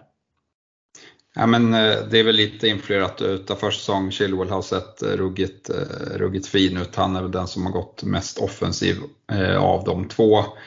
Och sen är man, är man väl lite mer bekväm med hans skadestatus när vi tänker oss att vi primärt ska använda den här spelaren om, om en eller två gameweeks så, så känns det lite tryggare för mig att sitta med Chilwell över en, en Reece James som mycket väl skulle kunna vara skadad då. Eh, kring Estopinian där, eller ingen 4,5 så är väl min tanke att Estopinian har ruggigt fina matcher om inledande tre. Eh, vi vet att det kommer bli en hel del rotation i Brighton i år eh, med tanke på vad De Serbe har varit ute och sagt när man eh, har Europaspel också. Så att jag kommer inte vara så trygg, eh, även om liksom Estopinian spelade eh, nästan hela tiden i fjol så är jag inte trygg eh, med att han alltid kommer spela heller. Eh, de har väl inte jättebra eh, liksom alternativ där. De har testat Gross en del där på försäsong eh, till exempel. Men tanken är, där är väl, eh, ja men om det inte händer något annat så blir nog Estopinian en 4,5 eh, framåt Game Week 4-5 där någonstans. Alternativt eh, en Guardiol då som du pratade om tidigare. Alternativt en Guardiol, exakt. Men, men det jag tänkte komma till var ju att eh, ja, men bara få se lite kring hur Villa kommer formera sin backlinje, eh, vem det är, vilken 4,5 man ska gå på där. Eh, för deras spelschema blir bättre efter några omgångar och eh, samma sak med Newcastle. Deras inledande spelschema är jättetufft men efter några omgångar här så, så vänder det och blir riktigt bra istället och då, då, tycker jag att det är ett bättre läge att plocka in Bottman än att ha honom från start. Mm. Uh, och eh, jag, jag instämmer med mycket av det, det du säger. Eh, och eh, det, det, är lite så som jag tänker också. Eh, Fredrik, eh, ingen av oss går på en Trent Alexander-Arnold. Eh, han är ju upprisad till 8,0 men vi vet vad han kan göra och ställa till med. Eh, min stora anledning till det är för jag tycker att ni ser alldeles för öppna ut bakåt och jag kan inte se att Trent ska kunna eh, matcha sitt värde så här i början innan ni eh, ja, men får in en ordentlig sexa och kan eh, liksom täppa till försvaret. Jag tror inte han kan matcha de insläppta målen som jag förväntar mig med sina offensiva returns. Är, du, är det en del utav varför du inte har Trent också? Ja, det är två delar. Det är dels det och, och ja, jag, jag, tänkte lägga någon dråplig kommentar att vad menar du nu? Men det, det blir nästan bara patetiskt att eh, för den som sett försäsongen så har det ju varit salongsdörrar. Både framåt och bakåt ska sägas. Eh, det har sett ut som 13-14 när vi bara liksom öste på framåt och ja, spelade med väldigt mycket anfallskraft och, och väldigt lite huvud bakåt. Eh, och, och, det läcker ju som ett såll mot ja, men, nyuppflyttade lag i Bundesliga. Det kan man ju bara tänka sig hur det kommer se ut i Premier League. Eh, så att nej, för mig är det helt ointressant. Alltså, även, om, även om han gör liksom ett par offensiva returns så är det så här, det kommer inte vara några nollor förmodligen. Eh, och, och ja, men då är han inte nära 8 miljoner. Det är ju, det är ju liksom, det är en saftig mittfältare. Mm. Eh, och jag tycker det är bra. Alltså, missförstå mig rätt. Alltså, jag tycker att det är bra att han inte kostar 6,5 för då hade han säkert liksom klämts in i många byggen ändå. Eh, det hade varit lätt att bara liksom hitta en mille på en 5-5 och uppgradera. Nu är det ju inte så. Det är ju väldigt mycket svårare. Eh, och nej, inte ens i närheten av, av eh, mitt bygge eh, som det känns just nu. Nej. Jag har lite anekdot kring Trent. Han som vann eh, FPL i fjol, han kommer ju börja med, med Trent om det inte händer något, eh, något på slutet här. Eh, mm. Bara, för att, ja, bara för att ha honom till, till Game Week 2 egentligen. Och sen har han väl ändå planerat att byta ut honom till typ en Chelsea-försvarare i, i Game Week 3. Mm. Men Ja, nej, bara en anekdot. Jag gillar kanske inte att ha allt för mycket planerade byten så. Eh, men, men det, skulle, det är något som skulle kunna löna sig, absolut. Mm. Uh, ja, om man ska hitta de pengarna. Vi sa alla att vi hade 0,0 på banken och vår dyraste försvarare är 5,5. Uh, så det behöver göras uppoffringar och uh, ja, med det här att vi inte har Trent eh, så ska det bli intressant att gå vidare till mittfältet. Se om det är någon som kanske trots allt har klämt in en Mohamed Salah för att eh, ja, det har vi, har vi inte haft tidigare när vi har pratat. Och Stefan, om vi börjar med dig, hur formerar du ditt femman och mittfält? Ja, det är ingen Salah som har letat sig in här. Eh, jag kör dubbel United dubbelt Arsenal eh, i Rashford och Bruno eh, samt Saka och Ödegård. Eh, och just nu har, och de känns hyfsat säkra, i alla fall Saka, Bruno och Rashford, de har jag haft hela försäsongen och de kommer sitta i bygget Game Week 1. Ödegård plockade jag in efter Community Shield, kände väl lite så att jag inte ville ge mig in i i tombolan där riktigt kring ja, med starten eh, det är ju Martinelli mer intressant och hej och hå. Eh, utan Ödegård vet jag kommer spela. Eh, och nu när han ja, men slog första straffen i straffläggningen så blev jag så här, men vänta nu, ska, mm. kommer han ta straffarna här nu inledning av säsongen? Ja men det hade ju varit en superbonus att ha det för att jag räknar med att alla liksom, de flesta av dem jag tävlar mot initierade managers, de kommer att ha Saka i bygget. Men de, alla kommer inte ha Ödegård i bygget. Så, så det skulle ju vara ett jätteplus för, för mig. Eh, sen den sista platsen, den här är ju riktigt öppen. Är, jag har Phil Foden idag. Eh, jag är orolig eh, kring liksom, hans eh, startplats i, i Manchester City. Eh, det känns ju långa vägar att det här är liksom hans eh, säsong när han ska slå igenom på riktigt. när ja, men när nu Gündogan och Mares har lämnat, eh, det gör ju dels att ja, men Pep bygger upp förtroende successivt med sina spelare och det här, han har haft Foden ett tag nu eh, och borde ju lita på honom eh, helt okej okay, kan jag tycka. Nu har två trotjänare lämnat. Eh, jag tycker att det borde tala till Fodens fördel. Dessutom så är ju i, i Mares så är det ju en riktigt bra eh, vänsterfot på fasta situationer som lämnar, eh, vilket eh, också borde göra att Foden slår betydligt fler fasta än vad han eh, har gjort tidigare säsonger. Eh, så att jag tycker det är mycket som talar för Foden men han är riktigt eh, jobbig att ta ut i Game Week 1. Eh, dock så ja, förväntar jag mig att vi kommer få eh, Team Leaks eh, på fredag eh, och, och det kan bli lite panik där. Eh, men, men, den här platsen är, är riktigt öppen fortsatt. Ja, hörde jag att servrarna hänger sig på fredag kväll? Mycket möjligt. det, det, det ryktas att uh, det är ganska troligt. Jag tror det är många som kommer sitta och invänta leaked lineups uh, för Manchester City. Uh, så att se till att ha ställt i ordning era lag men absolut jag hör vad du säger. Och jag passar faktiskt på att, att ta mitt mittfält eftersom att det ser oerhört likt ut Stefan. Jag tyckte att jag liksom sticker ut lite här med att ha dubbelt Arsenal och dubbelt United och då i dubbelt Arsenal ha Ödegård. Jag har exakt eh, samma Arsenal och United mittfältare och samma struktur prismässigt som du på mittfältet. Istället för Foden har eh, James Madison letat sig in för mig. Och eh, det skulle kunna vara Phil Foden eh, lika väl. Det är nog den närmaste eh, som skulle kunna leta sig in där på mitten. Eh, och jag backar väl egentligen bara upp det du säger. Jag vill inte börja med eh, och liksom eh, hålla på och hoppa in där på en Trossard eller en Martinelli och eh, ja, men få stulen speltid. Jag räknar med att Ödegård kommer kommer spela ja, 100 minuter eh, per game week ungefär. Eh, ja, men väldigt, väldigt mycket minuter och framförallt mer minuter än både Trossard och, och Martinelli oavsett hur, hur de ställer upp. Eh, samma med, med Saka och Saka har varit där hela tiden. Han är ju underprisad något ordentligt, kanske till och med 1,0. Han skulle kunna, kunna kosta 9,5 kan jag tycka. Eh, och eh, jag håller med där, tankarna kring straffar. Ödegård, ja kanske.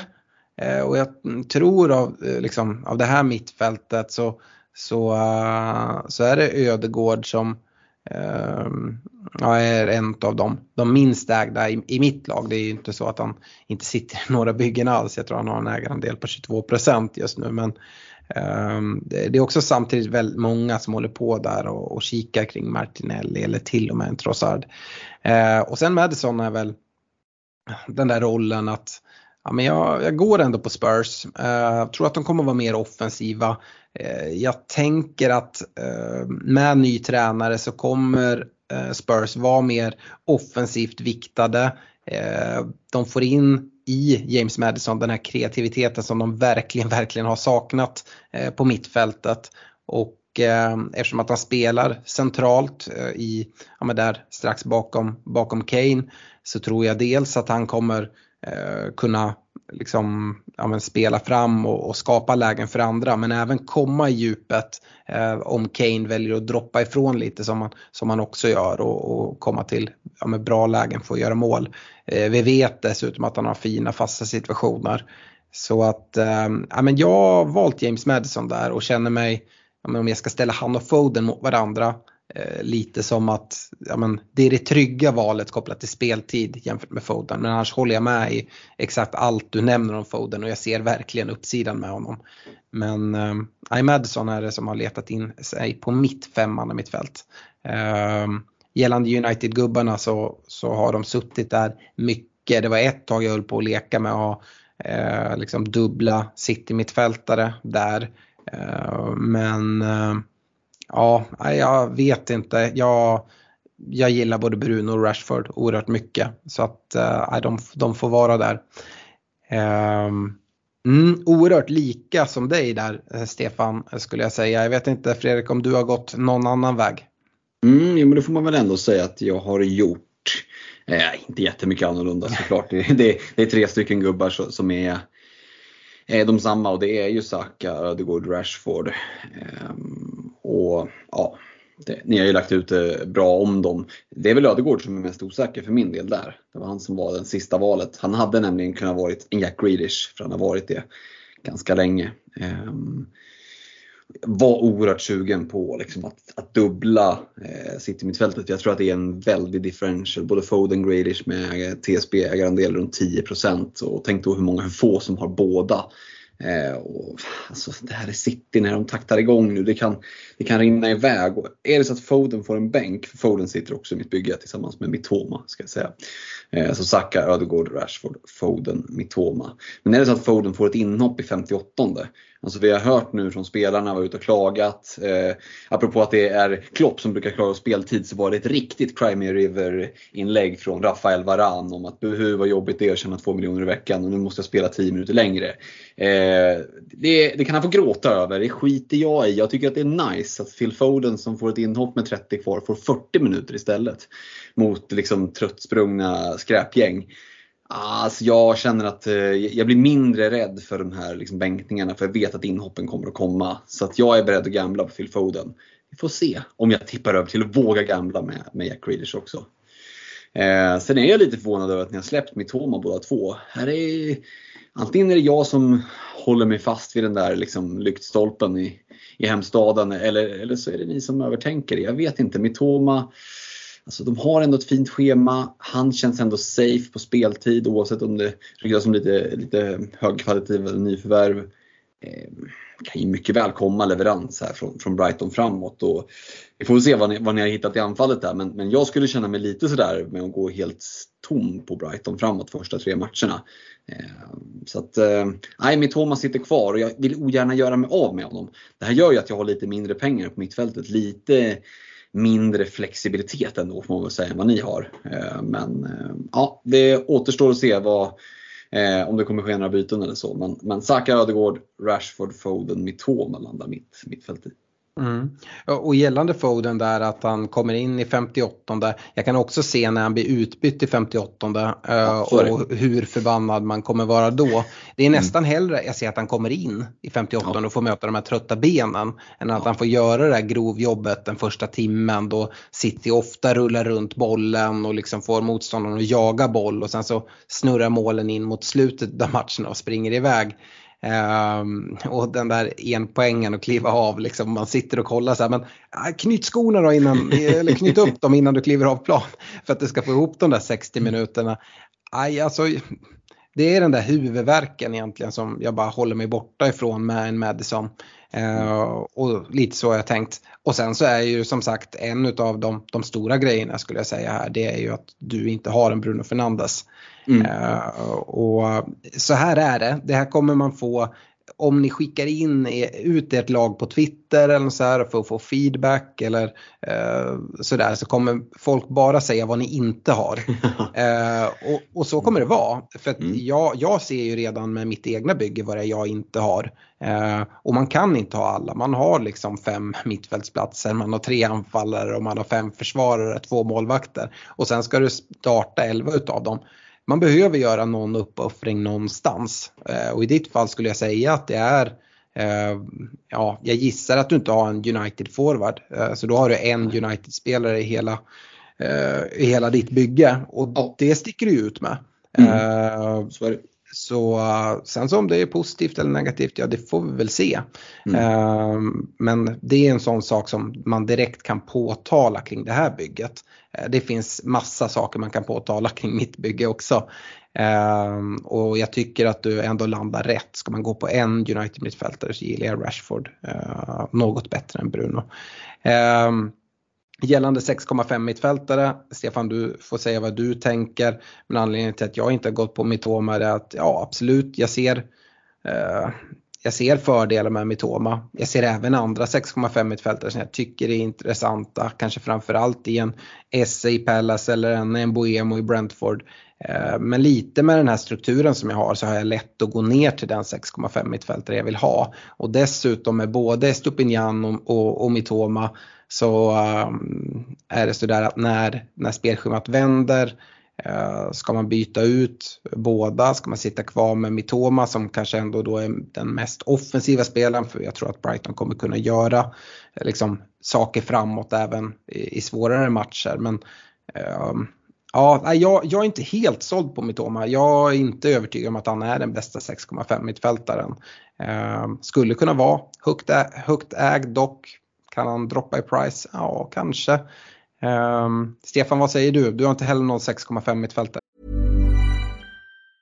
If you thought the only way to get a more defined jawline with natural looking results was through surgery, think again. Juvederm Volux XC is a non-surgical injectable gel filler that improves moderate to severe loss of jawline definition and can help you achieve natural looking results with little downtime. Even better, this improved definition lasts up to one year with optimal treatment. No maintenance required. Improve jawline definition for a smooth, sculpted look with Juvederm Volux XC. For important safety information and to find a licensed specialist, visit juvederm.com. That's J U V E D E R M.com. Not for people with severe allergic reactions, allergies to lidocaine, or the proteins used in Juvederm. Common side effects include injection site redness, swelling, pain, tenderness, firmness, lumps, bumps, bruising, discoloration, or itching. There's a risk of unintentional injection into a blood vessel, which can cause vision abnormalities, blindness, stroke, temporary scabs, or scarring. Talk to a licensed specialist to find out if it's right for you.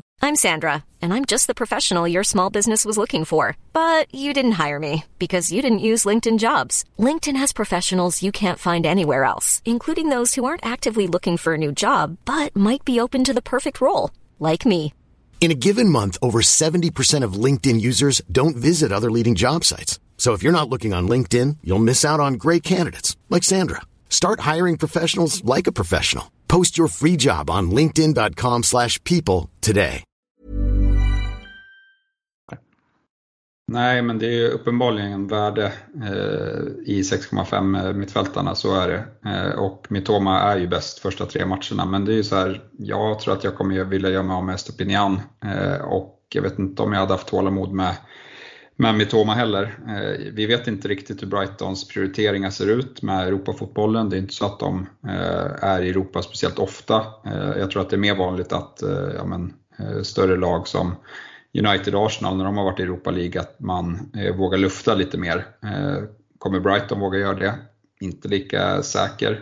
Och liksom om det var någonting som vi såg i fjol var väl att Mitoma kanske såg lite mer sliten ut på slutet av säsongen när han hade spelat mycket. Och ja, jag vet inte, jag, jag ser det lite som att eh, det kan bli för många transfers som ska göras. För man vill även kunna reagera på andra saker som händer. Eh, får man någon skada och liknande. Så, så det är väl lite därför jag har eh, ja, men, filtrerat bort Mitoma.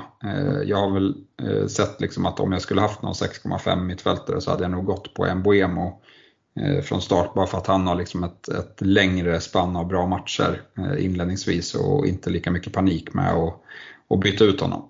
Mm. Nej, och som sagt vi har ju, nu nämnde jag Esse och eh, Mboemo men vi har ju även en DV i, i, eh, i Aston Villa som, som har gjort det bra. Eh, ny till ligan eh, såklart men man har sett, sett riktigt eh, fröjd ut. Och det ska jag säga, så här kommer absolut inte mitt mittfält se ut eh, i Game Week 38 och förmodligen inte i Game Week 5 heller utan det kommer säkert ha kommit in en 6,5 mittfältare. Frågan är bara vem. Eh, och då eh, tror jag att det är en typisk sån här position 6,5 mittfältare där vi kommer kunna se ganska snabba prisförändringar. Uh, och kanske inte alls så enkelt att gå från den 6,5 mittfältare man har till den man verkligen vill ha. Eh, och då finns det en fördel att eh, sitta med ett dyrare mittfält och gå ner till den man vill ha. Eh, jag vet inte om det är, ger något svar på, på din fråga där om att vi har lämnat Mitoma helt utanför, Fredrik. Nej men det är ju en valid point såklart. Eh, ska man liksom om man hålla lite på stålarna och investera eh, elsewhere eller gå rätt ut och chansa på något av dem. Så ni nämnde, det finns ju flera alternativ att, att gambla med. Liksom. Så att, ja, det är ändå spännande att det skiljer sig lite grann på, på mittfältet. Ja, ja, även fast det finns oerhört mycket likheter. ja, och, och, och, vem som helst som, som lyssnar på det här kan ju räkna ut att Fredrik har investerat mer i anfallet än vad både jag och Stefan har gjort. Uh, Stefan, du ville säga något? Ja, nej men 6,5 eh, där bara för att följa upp som du var inne på Diaby, men jag tror att vi kan hitta fina alternativ i både Chelsea och i, i eh, Newcastle eh, mm. längre fram eventuellt också. Så att jag tror ju att det är en, ja, men verkligen en prispunkt som eh, ja, men kommer ha liksom stor effekt på årets eh, FPL med tanke på vad det kommer möjliggöra för eh, övriga lagdelar. Mm. så, så ja, det är nog bra att ha en plan för, för den priskategorin i alla fall. Absolut och det är många som sitter med, med mer än en 6,5 spelare, kanske framförallt om man har en Mohamed Salah på mitten. Eh, så att, eller en Harry Kane där fram. Vi ska ändå leta oss fram till anfallet och Fredrik, jag tänker att du kan få börja eftersom du verkar ha mest deg kvar till att kasta in här på, på, på gubbarna som ska göra det där framme. Kan, kan man gissa att Håland har letat sig in eller? Ja, det har han ju. Det är som en sån dålig Robinson-auktion. Man ska liksom spara pengarna till slutet. Och så gäller det bara att inte sitta där när auktionen tar slut och ha stålar kvar. Eh, ja, nej men Håland är ju en autopick. Eh, liksom så. Det, det, är ju inte så mycket att diskutera kring. Eh, vi kommer ju till en kaptensdiskussion lite senare. Det kanske att vi ska stanna till lite mer vid honom då. Men att ha honom i bygget, ja, så Spelar du utan honom i bygget, då är du förmodligen en sån spelare som går för ett, ett Game Week-pris eller ett månadspris skulle jag säga. Um, för, för, om du siktar på att få en bra overall rank och spelar utan Håland, då, ja, då har du käkat svampar som jag inte har kommit i närheten av i alla fall. Det är en sak som är klar. Eh, men det kanske inte var det du åsyftade, vem som, om Håland satt eller inte, utan det var ju vem som var bredvid. Och, och jag har tagit mina, eh, mina dineros och lagt dem på Ollie Watkins. Sitter kvar med honom sen, sen en skadad Jesus blev Watkins. Och tycker att det är, precis som jag nämnde där i anfalls, uh, uppföljningsavsnitt till anfallsavsnittet Alex, liksom att ja, ganska underskattad spelare. Visst, det är inget superschema i början men ja, alltså, jag, jag gillar Ollie Watkins och framförallt så gillar jag flexibiliteten. Den som jag då lite tappade på mittfältet får jag i anfallet. Jag kan gå ja, men till vilken anfallare som helst från 8 miljoner och neråt. Um, är det någon 7 miljoner som flyger, är det en Jackson i Chelsea som vi är lite sådär tveksamma till eller har varit i alla fall.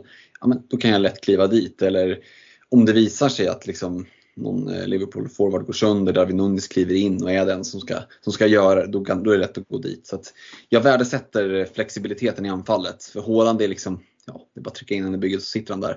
Och då vill jag ha någonting att, att göra med den andra spotten. Eh, och därför får det bli Watkins. Och sen på sista kvisten så sitter en Mobama i, i West Ham. Eh, mm. 4,5. Det är liksom, hade kunnat vara någon annan. Nu är det Mobama. Eh, har fått lite minuter på försäsongen. Det, är liksom inte, det hade lika gärna kunnat vara någon annan. Men Mobama är det som eh, då får eh, spela andra fiol eller snarare fjärde fiol på kvisten till, till en Ollie Watkins. Mm. Och det skulle jag säga att det är ju det trygga valet att gå på eh, som, som sidoanfallare till, till, eh, till Håland. Mm. Um, så att ja, men jag, jag köper det fullt ut och en ja, men väldigt duktig spelare som uh, ja, men också får 90 minuter väldigt ofta uh, på straffar. Har väl inte världens bästa strafffacit men uh, ja, som sagt en, en uh, spelare som är på straffar är, är alltid intressant. och ja, men det, det, är väl det där att han har det var vi inne på att prata om tidigare, att ja, men första fyra så har han tre bortamatcher. Men just för en Ollie Watkins att spela borta mot Liverpool eller borta mot Burnley och Newcastle, men det behöver inte vara så dåligt som, som man tänker. Snabb omställningsspelare och sådär. Så att jag, jag gillar Watkins jättemycket och hade gärna haft han som andra anfallare om vi hade haft fri, fri budget här. Eller ja, då kanske Kane hade varit där i alla fall. Men eh, ja, ni förstår vad jag menar.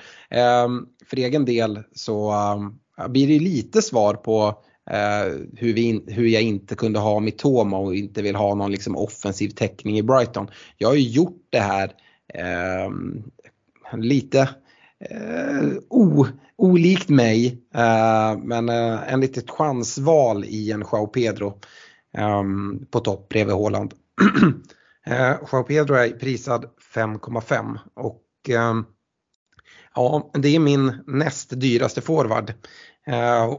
Och du var ute i Patreon-tråden tidigare idag vet jag Fredrik och frågade folk, för det är ganska mm. många som, som har varit där, att men hur är din plan att ta dig därifrån? Ja, jag tyckte det var en berättigad fråga. Ja, jag håller helt med. Uh, och det är väl en av anledningarna till att Onana kanske borde vara en 4,5 målvakt för i alla fall ha 0,5 i banken. men sen är ju planen att vägen därifrån kommer ju vara att frigöra pengar på mitten att mm. gå ner till en 6,5 mittfältare. Uh, det finns även möjligheter att frigöra uh, pengar i, i försvaret. Sådär. Uh, jag tror att Joao Pedro kommer att starta men, regelbundet här i starten. Och det är de här första tre matcherna Ehm, som man i huvudsak vill åt. Sen så behöver inte det innebära att man sen byter ut honom. Eh, man kanske kommer behöva göra det för att undvika price drops. Men ehm, som sagt, eh, har jag en Chilwell eh, först på bänken där och jag tycker att när du presenterar din, ditt lag Fredrik så har du ett oerhört bra lag ehm, på, på flera positioner. Och jag vet inte om du har gått framåt och sett men vilka matcher du ska spela Chilwell och vem du ska, ska bänka då. Eh, men det är ganska lurigt mm. kan jag tycka. Och här gör man det lite enklare ändå, tycker jag. Mm. Att kunna, kunna bänka Joao Pedro och bara egentligen helt enkelt spela 4-5-1 i en hel del matcher också. Ehm, sen så kommer det ju vara lurigt att bänka en Joao Pedro de första tre matcherna. Ehm, som sagt Luton hemma, Wolves borta och West Ham hemma. Ehm, för det är ju därför jag har honom, för jag vill ha honom just då. Så att uh, det, det är lite stökigt och Ja, det, det, är lite tankar jag har haft. Jag har även varit inne på att ha en, en vissa i Brentford eh, där som kostar 6,0 då. Och då skulle jag behöva de där 0,5 som i så fall skulle komma från, från en nedgradering på, på Onana. Eh, och det är också ah, fortfarande fullt möjligt eh, att det kommer bli så. Men just nu så som sagt gillar jag just den här grejen att få någon offensiv från, äh, från Brighton så här i, i starten. Uh, och då har valt fallit på Joao Pedro och också då en spelare som vi förväntar oss, eller i alla fall jag förväntar mig, ska ha straffarna i, i, i detta Brighton. Vi såg han tog en straff samtidigt som Pascal Gross var på, på banan här i, i senaste försäsongsmatchen och det var väl egentligen där det stod och vägde, är det Joao Pedro eller Gross som ska ta dem? Och, ja, för mig kom svaret där. Sen har de värvat in eh, Kudos och det tror jag kommer påverka Joao Pedros speltid men kanske inte de här första tre gameweeksen. Det är väl min, min förhoppning. Um, ja, eh, som tredje anfallare. Jag har ju varit så stolt över tidigare när jag har pratat om mitt lag och han sitter kvar. Eh, fina fina Ellis Sims. Eh, Everton-tröja bär han här, han borde ha en, en Coventry-tröja.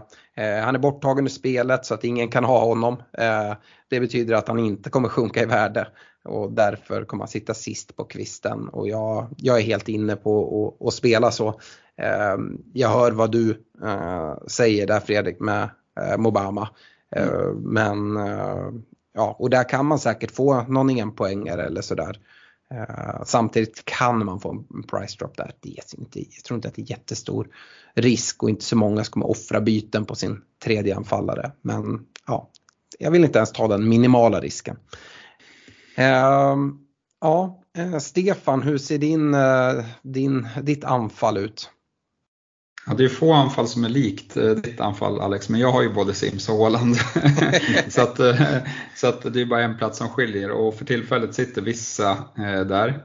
och ja, men Det är väl för att jag tror att hans plats är lite mer säker än, mm än eh, Joao Pedro. Det är de två det står mellan eh, nämligen. Jag ser ju fördelarna med att ha 0,5 på banken såklart. Eh, men skulle jag till exempel ta in Joao Pedro då, då hade jag nog haft lite svårare för att ha Foden i bygget. Eh, med tanke på att hans plats också är lite så osäker och det känns som att då börjar det bli mycket eh, ha två sådana gubbar. Men då kan du gå på Madison istället för Ja, det skulle jag absolut kunna göra. Det skulle jag, nej, men de ser faktiskt fröjdiga ut på, på försäsong så att det är inte Eh, Eh, och liksom varför skulle, eh, så här, eh, kollar man på Madison är en beprövad spelare i Premier League, spelat i, i ett sämre lag än, än Spurs många säsonger, men han, han kommer ju plocka en, minst en 140-150 poäng och, och liksom vill det sig riktigt bra så kommer han plocka upp mot 180 någonstans. så att nej, han är ju en, han är en stabil gubbe, absolut. Ja, men med vissa där, det är väl lite Brightons eh, fina inledande spelschema. Eh, samt att var, ja, sorry, eh, med, med deras ja, med fina inledande spelschema samt att han ja, men verkar naila den där eh, forwardsplatsen eh, och göra den till sin nu när Tony är eh, avstängd som, som har lett mig dit. Men sen såg man ju Joao Pedro rulla in den här eh, straffen i senaste träningsmatchen och, och blir ju sugen såklart. Eh, jag har ju också sett att jag kommer spela fyrbackslinje mycket eh, inledningsvis. Eh, så att eh, det är ju, det väger ju in såklart att det behöver inte vara någon supergiven gubbe som, som forward där. Sen är det ju så att om, det, ja men, om man verkligen, verkligen behöver en, en väg därifrån och inte har några pengar, då, då finns ju Morris i, i Luton. deras striker kostar lika mycket som Joao Pedro och Luton har ett riktigt fint spelschema från Game Week 4. Eh, så att det matchar väldigt bra där. Han, han är också på straffar. Eh, så att det skulle kunna vara en, en budgetgubbe som, eh, som ja, men är något att ha. Han gjorde väl 28 mål eller något sånt i, i fjol i, i Championship. Mm. Ja, och det kan man väl säga att det som skulle tala för mig att gå eh, på vissa istället för Joao Pedro är, för mig är Joao Pedro a price drop waiting to happen. Eh, det ser jag inte riktigt på samma sätt med vissa. Eh, utan det spelschemat fortsätter bara rulla på och vara bra. Men jag kan se att väldigt många som startar med Joao Pedro har samma tankar som mig att ja, efter tre game weeks, ja, men då kanske jag ska eh, växla över han till en Luton forward eller som sagt gå någon annan väg. Uh, och ja, ha, ha sådana här förutbestämda byten är ju, jag är ju inget superfan av och där känner jag mig tryggare med vissa.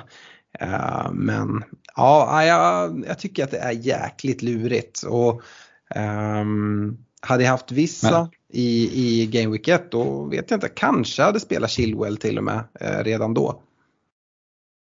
Ja, nej, jag tror ju Spurs kommer vara sjukt öppna, lika öppna som, som Liverpool eh, mm. kommer vara. Eh, så jag, jag, ser väl det som en ganska trevlig match offensivt eh, ändå. Eh, men, men de där 0-5 är ju dock intressanta för att eh, jag, jag pratade ju om att göra Estopinian till Guardiol, ja men där skulle det kunna ske price eh, changes. Mm. Både att Estopinian som är högt ägd tappar i värde men Guardiol som ingen har från början eh, skulle kunna börja stiga i värde också. Mm. Eh, om det visar sig att han gör det bra. Eh, men det gör, öppnar även möjligheten för att eventuellt kunna nå till Reece James från Estopinian. Så att nej, de där, de där 05 är ju klart intressanta. Mm. Ja, det är lurigt. Men det man kan säga i alla fall Stefan det är att vi går eh, superdifferential jämfört med, med Fredrik då vi har Ellie Sims som är ägd utav endast 0,2 procent. Ja, nej, nej jag, jag, flikar väl, jag sa inte så mycket där med Watkins, jag flikar in att det är den säkraste gubben eh, just nu. Eh, mm. men, men, samtidigt en gubbe som inte är så svinrädd för att han ska plocka 15 pinnar, för det, det har vi inte sett speciellt mycket eh, av från, från Watkins eh, del, utan det är ofta de här stabila 8-9 pinnarna eh, när han levererar. Som, och det är väl lite därför jag tycker att, eh, att jag vågar, vågar chansa att gå utan honom. Mm. Ehm, jag var inne på det tidigare, pratade om eh, att om man skickar ut sitt lag får man alltid höra vad, exakt vad det är man saknar. Eh, om jag börjar med mitt bygge eh, så tycker jag att det är, ja men, jag var inne på det, jag har inget Liverpool, det har ingen utav oss. Och det tycker jag är någonting att, att nämna. Jag har ingen 6,5 mittfältare, ingen 4,5 back och sen har jag ingen tredje citygubbe. Uh, och det finns ju både för och nackdelar med att inte ha den tredje citygubben för att det är lättare att gå dit. För att man drar sig ofta för att göra det där sidledsbytet. Sitter man med Foden, att göra han till Grealish, ja men jag vet i alla fall att jag gör det. Ehm, det är lättare att då eh, göra Madison till, till Grealish eller göra han till Foden om det är han som flyger. Eller om jag vill gå någon annanstans Eh, plocka in Guardiol och kanske dubbla upp försvaret. Eller, ja, då har man den, den möjligheten. Så att, eh, ja, det, det är väl det. Eh, det skulle jag säga är liksom den stora med mig. Jag har ändå trippelt Arsenal. Jag har trippelt United i det här fallet med, med Onana också.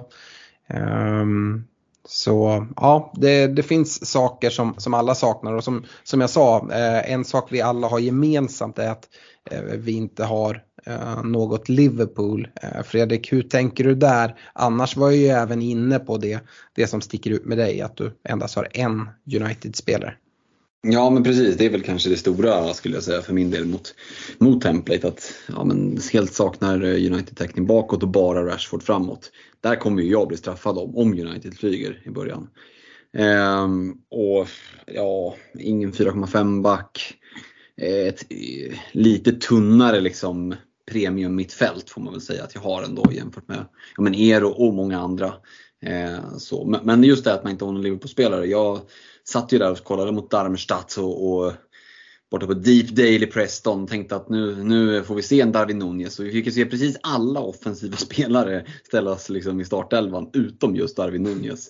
Eh, så den där kommentaren från Klopp om att eh, det är viktigt att, att jobba i pressspelet eh, som han droppade så här lite i förbifarten på någon presskonferens. Eh, apropå då eh, Darwin Nunez.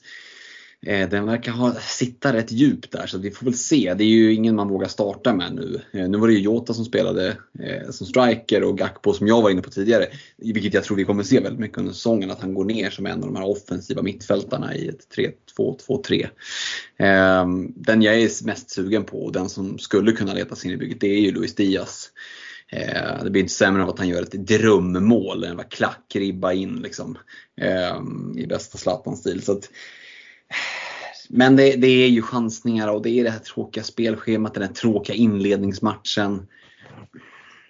Jag, jag tycker verkligen inte att man är dum i huvudet om man chansar med Luis Diaz från start. Det tycker jag inte. Men eh, jag hittar inte någon väg in på mitt mittfält. Eh, det, det, jag kan inte riktigt motivera honom heller före typ Ödegård. Det blir svårt liksom. Eh, det blir alldeles för mycket av chansning också. Eh, så att, och det är väl den platsen för min del som han skulle ta och då, nej Eh, det är så modig är jag inte helt enkelt, det bara inse. Nej. Eh, Stefan, det är väl egentligen ditt lag som jag tänker mest sådär att det inte är något supersjälvklart att här saknar du något. Eh, om eh, Fredrik hade eh, trippelt eh, City som inte jag hade, du har det. Du har trippelt Arsenal som, som vi alla tre har.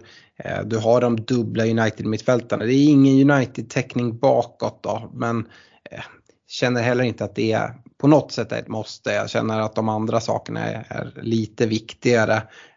Um, hur, hur känns laget? Är, du, är det här det som du kommer gå med till Game Week 1 eller?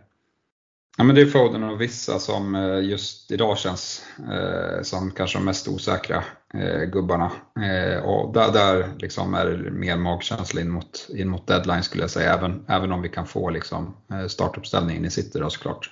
Mm. Eh, annars så känns det väl eh, rätt stabilt. Eh, Ödegård är någon som har kommit upp här på slutet eh, och, och eh, ja, men lite för att jag är osäker kring, ja, men kring de andra gubbarna i, i Arsenal. Jag tror ju att, ja, men, jag, jag vet inte, liksom Martinelli som tog nästan 200 poäng i, fjol, eh, han är ju fortsatt ung.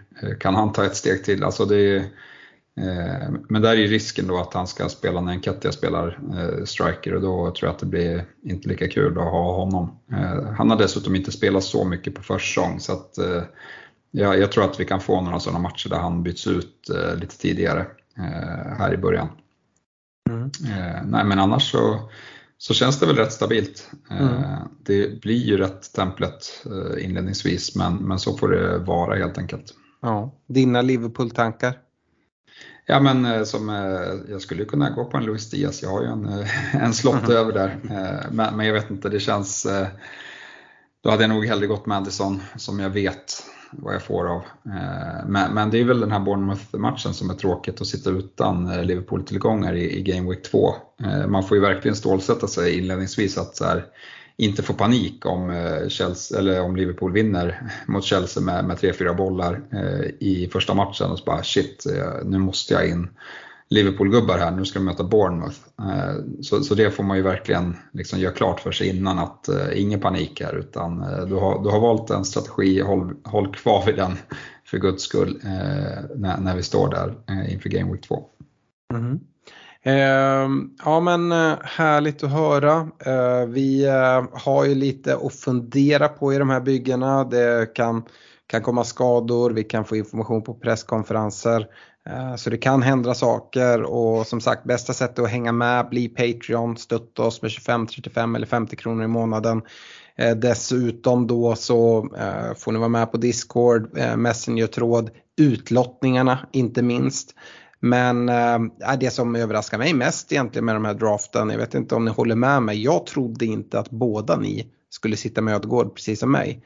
Äh, är det något annat som, som överraskar dig Fredrik?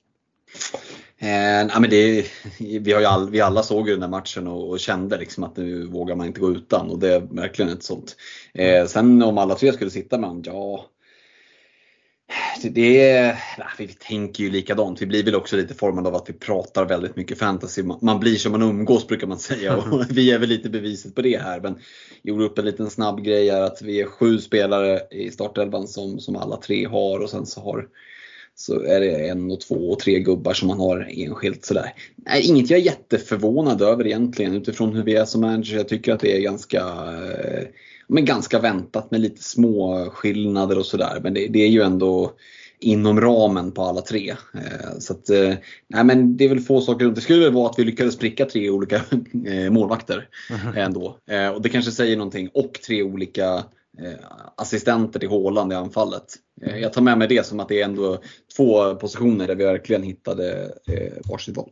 Jag blev inte lite chockad över att jag kastade in en Jao Pedro där. Det känns inte alls som Silver Diggers. Nej, det, det ska ju sant. Jag vet att jag flaggade upp honom här i en annan podd som, som varningsflaggen där, att man, man ska ta sig därifrån också. Men å andra sidan så kan han ju också göra ett jävla straffmål och tre bonus och så får man ha de jävla poängen som stirrar en i ansiktet. Så det, det kan ju mycket väl flyga. Det är inte det som jag är orolig för, utan det är ju bara vägen därifrån, att den är behäftad med ytterligare ett byte, eventuellt minus poäng.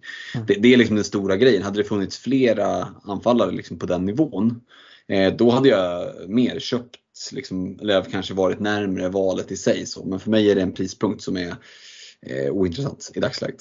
Mm. Stefan, något som överraskar dig? Ja, Ödegård överraskar mig. Eh, men det kanske är för att, eh, för att vi alla tror att, eh, att han kanske skulle kunna vara straffskytt. Men, men eh, Nej, men han är väl ett stabilt pick liksom. Det, det är inte det mest eh, eh, alltså så här, vill man spara pengar då, då kan man väl chansa med Martinelli om man tror väldigt mycket på Arsenal, eh, lika gärna. Eh, eller en Trossard då, men det känns, lite, ja, men det känns lite större chansning skulle jag säga. Eh, men, men eh, Martinelli vet vi kommer spela mycket Eh, Eh, och vi vet vad han kan göra så att eh, behöver man spara pengar på den positionen så, så tycker jag att han är ett eh, fullgott alternativ.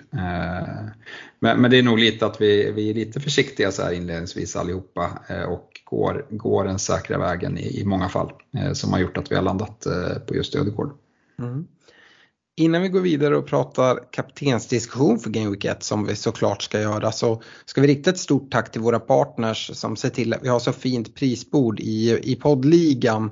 Eh, Glenn Sportsbar eh, och som sagt jag nämner igen Glennligan, kolla in den. Glenn Fantasy PL på Facebook se till att gå med.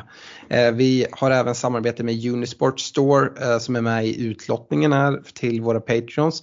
Men eh, om ni redan nu vill gå in och, och shoppa lite på Unisport Store så har vi koden FPL-podden som ni uppger i kassan. Då får ni 20% rabatt på ordinarie pris och vid ett köp då för minst 500 kronor. Och Ja, som sagt, jag tycker att det är ett bra läge att gå in och nyttja den koden. Den gäller augusti ut. Eh, man kan köpa merch, Svenska FBL-podden merch via netshirt.se och vi håller faktiskt på att kika lite på att ta fram lite nya produkter där. Så eh, ja, det kommer komma information när, när vi fyller på sortimentet där med lite nya grejer. Eh, vi eh, har också glädjen att välkomna tillbaka nakata.se som, som även i år kommer sponsra med, med presentkort eh, till prisbordet i poddligan. Eh, Fredrik, de har ett riktigt schysst Mercato nu som de kallar det för, eller mm. rea som vi säger i Sverige. Ja men precis, jag såg att din favorit där, King Cantona Kung Fu Tea eh, ligger 125 spänn rabatt. Den är ju given om man, om man nu har den dåliga smaken att hålla på United som du har. Eh, och, nej, men det finns en hel del schyssta eh, schyssta t-shirts framför allt. Jag gillar ju svag för dem alltså. Eh, Cruyff-t-shirten där vet jag att du också har Alex. Den är jag sitter faktiskt på. i den nu när vi poddar. Ah, jag kollar ner på honom med, med, med ciggen i mungipan och fina eh, Hollandsdräkten på. Ja. Eh, och jag är ju svag för Messi i t-shirten, tycker att den är, eh, är, schysst där med, med getskuggan. Så, ah, det finns mycket snyggt på, på Nakata och vi är oerhört glada att ha dem tillbaka som, som eh, partner. Vi, vi gillar ju Nakata, vi gillar Olof. Vi hoppas ju att eh, på kommande Glenn-event här så att vi får se eh, Olof och Nakata igen på plats för det var ju riktigt lyckat senast. Ja, verkligen. Eh, reducering.se också är ju nya för i år. Nakatakt var ju med även förra året men eh, vi spelade ju in det här gästavsnittet med Oskar Block. Eh, eller vi, det var jag som gjorde. Jag vet inte Fredrik om du har, har lyssnat igenom det? Ja, men det har jag definitivt gjort och, och snappat upp en hel del. Eh, Oskar är ju en legend har vi förstått i de här kretsarna. Många som har ja, men liksom sagt att plockar ni honom till podden? Ja, det är klart vi gör det. Och, eh, jag tycker jag har fått lite klarhet i det här med, med, reducer, med liksom reducerade system. Att det handlar ju om att när du spelar 64 raders så tänker vi vanliga dödliga att om då spelar man 6 halvgarderingar. Nej, det gör du ju inte. Du betalar ju för 64 potentiella rader. Och det är klart, vill du spela ett 64 rader så skulle du ju kunna liksom välja bort ett antal av de där raderna. Det var ju så jag tolkar och så jag har förstått det nu. Att det handlar egentligen om att reducera bort rader du inte vill betala för så du bara håller de raderna du verkligen tror på. Eh, och det här ska vi grotta ner oss i lite mer eh, så att eh, de som lyssnar får ta del av, eller hur? Ja, såklart ska vi göra det, men det vi också ska göra om man inte själv känner sig helt haj på de här reducerade systemen men ändå vill ta del utav ja, men förhoppningsvis lite fina vinster eh, så kommer vi eh, komma med andelsspel och det första andelsspelet kommer ju här i veckan. Vi kommer lägga ut det på vår Facebook-sida så då får man vara snabb där och liksom hoppa på för eh, 50 andelar kommer det vara och det kommer ju vara eh, andelar som inte spränger folks eh, plånböcker. Eh, så att man kommer man kommer ha, ha råd att köpa, köpa lite andelar. Ehm, så håll, utkik på, eh, på Svenska FBL-podden på, på, Facebook så hoppas jag ni är många som vill haka på våra spel och vi, kommer ju, vi i podden kommer ju vara där och, och pilla i systemen men vi får ju även uppbackning utav superproffsen på på reducering.se i form av eh, Oskar och eh, hans kollegor där. Så man, be man behöver inte känna att man ska lita på liksom, en Liverpool-supporter som Fredrik eller en Arsenal-supporter som Stefan. Uh, vi kommer liksom få, få proffshjälp som, som ändå hjälper till i, i, i tippningen. Vilka var det Oskar höll på nu? Uh, ja, jag kommer inte ihåg det. Det var något sopgäng. Ja, man, man, får lyssna på avsnittet för för att få reda på det. Yes, uh, härligt. Uh, nu har vi kommit fram till kaptenssektionen för Gay Week 1 och uh, som vanligt så inleder jag att säga det för att inte missa deadline. Det är väl ganska ovanligt ändå för i alla fall de som sitter och lyssnar på, på poddar kring FBL. Men eh, det är deadline fredag 19.30. Eh, men jag skulle säga att den deadlinen är 19.15 för att jag är helt övertygad om att eh, servrarna kommer lägga ner. Eh, folk kommer sitta och vänta på de här eh, liksom, eh, läckorna eh, från City-håll och få se om de kommer. Men eh, uh, jag, jag tror man ska bara fatta ett beslut kring exempelvis Foden om man kör på honom eller inte. Det är ju inte val för en game week heller.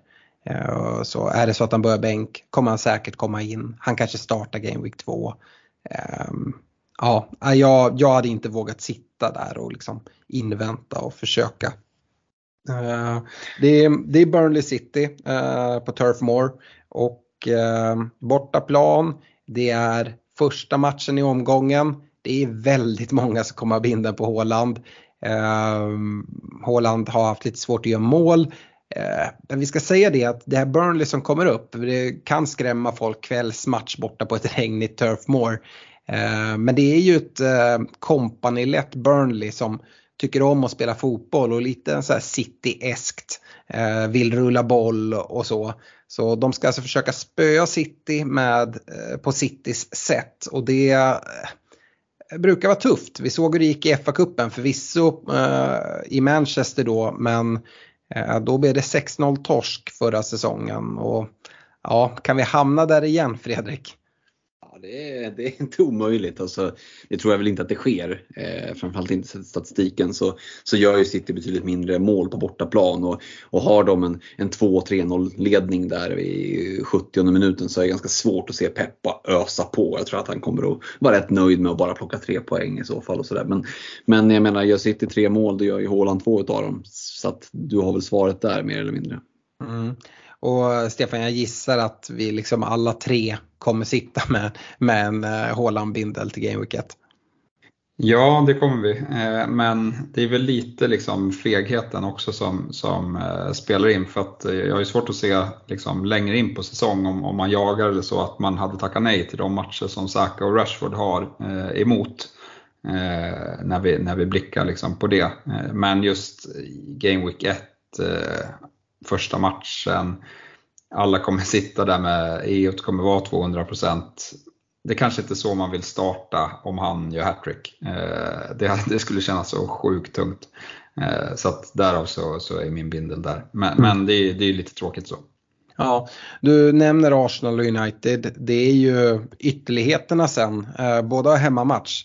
Arsenal Forest spelar tidiga matchen på lördag och det är ju många som tycker, ja såklart Citys match är ju tidigare så eftersom det går på fredag men det är i alla fall en kvällsmatch. De här 13.30 matcherna eller 12.30 som de spelas i England, eh, lite läskiga.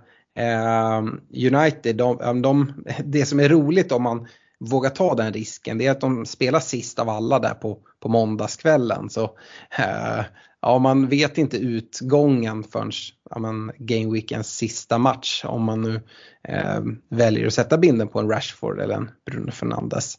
Eh, men ja, vi är få som kommer våga där.